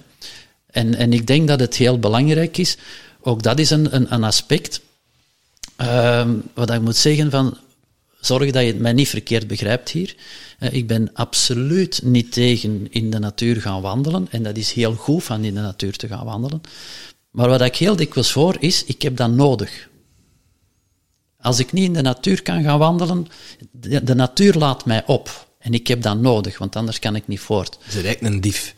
Je zit een beetje de energie van dat bos te pikken voor je eigen goed. Exact. Egoïst je bent. Exact. Exact. Hè, terwijl, wat er in mijn ogen gebeurt, is dat de natuur altijd zichzelf is. Ik, heb, ik geef ook altijd dat voorbeeld van, want mensen die mij kennen, die zullen al zeggen van, ja, daar redden we weer met zijn eikel. Als je een eikel in de grond steekt en je verzorgt dat, dan groeit daar iets uit. Wat groeit daaruit? Ja, geen pissenblom, hè. Nee. Dus wat wel? Een eik. Een eik. En als die eik zo een meter groot is en die kijkt rond en die zegt van, ho, ik zie daar struiken staan en daar zie ik bomen met zilveren schorsen en daar zie ik een andere boom, maar dat blad vind ik eigenlijk wel schoon. Maar eerlijk gezegd, die zilveren schors vind ik wel het schoonste. Ik kan ook berk worden. Dus geen ene eik dat dat doet, hè. Je moet ook een eikel zijn, hè. Ja, als je zo zit, zit je wel een eikel. Ja. Maar wij doen het wel als mens. Wij gaan wel rondkijken en zeggen van, ja, maar die heeft precies een schone huis, dat wil ik ook. Of die doet dit. Of je hebt daar zo van die twee mannen en die doen podcasten en die doen dat verdomd goed. Ik zou dat ook willen doen, ik kan dat ook eens doen. Niemand kan jullie nadoen, hè. jullie zet er de beste in. Hè. ja, ze mogen hun best doen, maar ja, dat gaat Hè? niet. Hè, Dus dat is gewoon zo. Dus ieder is Wat niet, uniek. wa- wat niet wegneemt dat er, dat er niet heel veel andere mensen zijn die ook fantastisch goed zijn in podcast. Ja, en dat mag. En als iedereen doet wat dat voor hen juist is, Ja. dan zitten we goed. Maar ga niet proberen om gelijk welke reden die uitwendig ligt, die maatschappelijk misschien heel aanvaard wordt. Ah ja, ik ga keihard werken, want dan kan ik tenminste op congé gaan elk jaar. En dan kan ik nog gaan skiën ook. Ja, maar doe je dat eigenlijk wel graag? Ja, nee, want ik zit altijd maar te vallen, en dat is, maar ik ben wel gaan skiën. Misschien is dat dan niet voor u. Ga gaan experimenteren en dan zie je of voel je wel, is het iets voor mij of niet? En dan denk ik dus, en daar blijf ik toch wel bij, ga eerst naar je eigen voelen. En ja, als je niet echt zeker bent, doe maar dan. Bijvoorbeeld wat ik er straks zei, van je gaat wandelen en je gaat naar een bepaald tempo, maar je bent niet echt zeker welk tempo. Is het nu drie per uur of is het nu vijf per uur? Ik weet het niet echt zeker. Dan mocht je van mij gerust eens proberen van drie en dan is drieënhalf en dan... Maar ga niet zomaar at random proberen. Want dan kun je echt wel... Dat is gelijk dat ik eh, dat centrum deed. Dat was... Ja, er zei iemand van... Ja, dat is goed dat je dat gaat doen, doe maar. Maar ik ben niet iemand die een centrum moet runnen. Dus dan is het beter dat je even zegt van... Oh, stop, wacht even. Klopt dat wel voor mij? Klopt dat echt in, in wat ik nu voel? En als je op dat moment zegt... Ja, ja, ja, dat klopt. Doen. En als je dan na x aantal weken, maanden, jaren merkt van, oei, het was toch dat niet, dat is niet erg. Omdat je vertrokken bent van, ik ben ervan overtuigd dat het voor mij juist is. Dan ga je geen dingen doen die echt, dat er potten gebroken zijn. Ik heb dat toen niet gedaan. Ik heb gewoon aangenomen en ik heb gedaan. En ja, daarna waren er potten gebroken. Daar zat ook een mooie les in. Tuurlijk zat er een mooie les in, maar ten koste van. Want onder andere mijn, mijn huwelijk is daardoor op de klippen gegaan. Onder andere daardoor. Had je zonder die les gestaan waar je nu staat? Dat weet ik niet. Ik durf daar niet direct sowieso ja of nee op zetten. Waarom? Als de les zich aandient, is altijd goed dat ze zich aandient, want anders gaan ze zich niet aandienen. Dus daar ga ik volledig mee akkoord. De vraag is, als je op voorhand meer had ontspannen en wat oefeningen had gedaan om meer uzelf te vinden, had je die les dan nog nodig gehad. Dus dan komen we terug naar dat heel eenvoudige van, gaan we de gezondheid verbeteren, of gaan we preventief werken, of gaan we curatief werken? Het is een beetje, ja, als je van het padje afgaat, dan zegt het universum, oh, oh, oh, we zullen je wat lessen geven, want je bent niet op het juiste pad. Je mag terug je pad gaan bewandelen. Zo wordt dat heel dikwijls gezegd, en op zich klopt dat, alleen zie ik dat van, het vertrekt altijd vanuit jezelf. Dus jij bent één grote wolk energie, die oneindig ver uitstraalt, waar jouw unieke energie in zit, voor het grootste gedeelte, bij iedereen, en ook een aantal energieën die getransformeerd zijn naar trauma's en gewoontes en patronen en overtuigingen die voor u, voor u niet juist zijn. En ook dat heeft zijn uitstraling naar buiten toe. Dus heeft dat nut gehad dat ik die les, dat ik dat centrum gedaan heb? Absoluut. Want dat was een uitstraling van een patroon van mij dat ik overgenomen had van mijn ouders. Dat weet ik heel zeker, dus ik besef dat ook. Dus is dat nuttig? Ja. Alleen zeg ik nu, met wat ik nu weet, van als we nu eens mensen kunnen bij manier van spreken meenemen naar en ontspan nu eens eerst. En beweeg nu eens eerst. Zodanig dat je in een gecontroleerde setting kunt doorleven van als ik beweeg, beweeg ik vanuit mezelf of ik van, beweeg vanuit patronen. En dat kun je echt wel leren. Daar zijn richtlijnen voor en die bestaan, die zijn beschreven en ik kan u dat laten voelen. Zoals ik er straks ook bij jullie gedaan heb. Mhm. Ik ben op een bepaald moment achter jullie gaan staan en dan het eerste dat ik dan doe is meebewegen. Dus ik, ik voel uw beweging en ik beweeg daarin mee. En dan ga ik met uw energie bewegen. En iedereen zegt tegen mij van, oh, dat is helemaal anders. Ja, die beweging was veel eh, Ja. groter en ruimer dan dat wij die zelf eerst maakten met ons fysieke lijf. Ja, dus je, onbewust beperk je jezelf. En als je dat kunt laten voelen, van kijk, als je dat nu niet doet, wat, je, wat, u, ik, wat ik u heb laten voelen, kan je zelf ook. Want ik heb niet anders gedaan dan uw energie gevoeld die veel ruimer wil bewegen. Met andere woorden, jij, jij bent energie. Dus u zelf wil ruimer bewegen. U zelf wil meer in balans staan, want als we dat doen en we duwen tegen uw bekken en je gaat naar uw been, dan voelt je energie opbouwen. Die wil dat. Als je dat dan kunt zeggen van, oké, ik laat dat vanaf nu toe.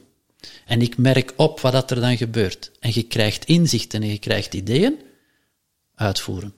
Ja. Dan heb je sowieso op zijn minst gezegd minder kans dat het vanuit patronen vertrekt. Zijn die patronen dan per definitie onmiddellijk getransformeerd? Dat durf ik niet zeggen, maar dat gaat wel gebeuren op termijn. Ehm, want uw, uw fysiek lichaam moet volgen, dus op termijn gaat dat wel gebeuren. Maar je bent wel gefocust op dat wat dat voor u juist is. En dus de kans dat dat wat je gaat zien langskomen in de maatschappij, dat voor u juist is, wordt groter. En als je dat dan kunt onderscheiden en je ziet dat, word je ook gelukkiger. En onze podcast gaat over geluk. En Aha. dus hadden we graag een keer van jou geweten, wat is jouw definitie van geluk? Van geluk. Ehm, ik zou zeggen, van het moment dat je zoveel mogelijk vanuit jezelf beweegt, doet wat dat jij vanuit jezelf vindt dat je moet doen, en je doet dat ook echt, dat is geluk. Prachtig. Prachtig. En geluk en succes. eh, wat betekent succes voor jou? Eh, succes is voor mij een byproduct. Ik weet niet wat dat succes voor iemand anders is. Ik weet niet wat dat mijn succes is. Eh, maar het is sowieso byproduct. Dus van het moment dat je in staat bent om jezelf te laten zien en te doen wat je doet, dan gaat daar de, de, de, de maatschappij en de kosmos op reageren, op die trilling. En dat gaat zichtbaar worden. En wat voor u juist is, I don't know. Dus ik ben bezig met wat ik bezig ben. En ik, ik, breng dat naar buiten toe. En dat gaat steeds meer zijn. Ik heb nu al één boek, ik heb eigenlijk al twee boeken geschreven. Maar mijn, mijn derde boek komt in september uit. En daar ben ik extra aandacht aan aan het geven. Dat gaat ook met een uitgever zijn, wat ik op voorhand gezegd heb van, als je dit boek uitgeeft, wil ik ook graag dat je daar promotie rond maakt. Dat jij dat doet, want ik kan dat niet. Maar jij, jij moet dat doen. En daar, we zijn overeengekomen dat dat ook gaat gebeuren. Ehm, en dat is wat ik vanuit mijn eigen energie nu doe. En dat maakt, dan ben ik gelukkig. Wat dat, dat juist voor effect gaat hebben, dus gemakkelijk gezegd, hoeveel boeken ga ik daardoor verkopen? Weet ik niet. Hoeveel lezingen ga ik dan mogen geven? Weet ik niet. Dat zal ik wel zien, als ik maar kan doen wat ik nu aan het doen ben. En dus of dat dan nu met een podcast is, of dat is een lezing, of dat is een workshop, of dat is een individuele begeleiding, dat maakt mij niet. Ik zal wel zien. En ik denk niet dat wij dat zelf moeten invullen. Als je uzelf bent, komt alles vanzelf, zoals je er straks zei. Dat is de echte betekenis vanuit het zelf. Alles gaat vanzelf als je vanuit jezelf leeft. En nu ben ik ook benieuwd of dat, dat ook vanzelf gaat gaan, want jij moet een vraag bedenken voor de volgende gast.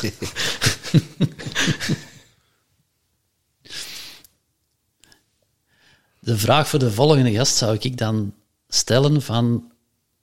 Uh,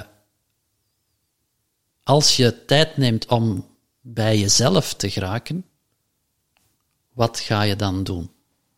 Hoe zie jij de wereld en hoe ga jij in de wereld staan? Ik ben benieuwd naar het antwoord. Ik ook. Mooi. Yves, als mensen meer willen weten over uh, wat jij doet, uh, of mogelijk een sessie willen boeken, uh, waar kunnen ze dan terecht? gemakkelijkst is naar de website, dat is mijn naam, Yves, Y-V-E-S, verbeek En daar staan alle informatie op. Yvesverbeek.com. We zullen de link ook onderin onze show notes zetten op onze blogpagina. Tof. Dan uh, kunnen mensen daar doorklikken naar jou. Ja, heel tof. Mooi. Rest mij niks anders dan jou nog te bedanken voor het fijne gesprek. Het was heel interessant en ook een hele mooie uh, ervaring. Ervaring, ja. Kan er mij enkel maar bij aansluiten, Yves. Heel en tof. Uh, nu, ja, voor onze, zoals we beloofd hebben voor onze luisteraars, gaan we een filmknop pakken, hè? Ja, dat gaan we nog yes. doen. We zeker oh. En jij natuurlijk ook super bedankt om te luisteren naar deze podcast. Voel jij je geïnspireerd? Je zou ons een enorm plezier doen door ons 5 sterren te geven of een review achter te laten in jouw favoriete podcast-app. En wil je geen enkel inspiratiemoment missen? Abonneer je dan op onze podcast of volg ons op social media at TimTom Podcast. Oké, okay, dan moet je weer terug aan de Tom. 嗯。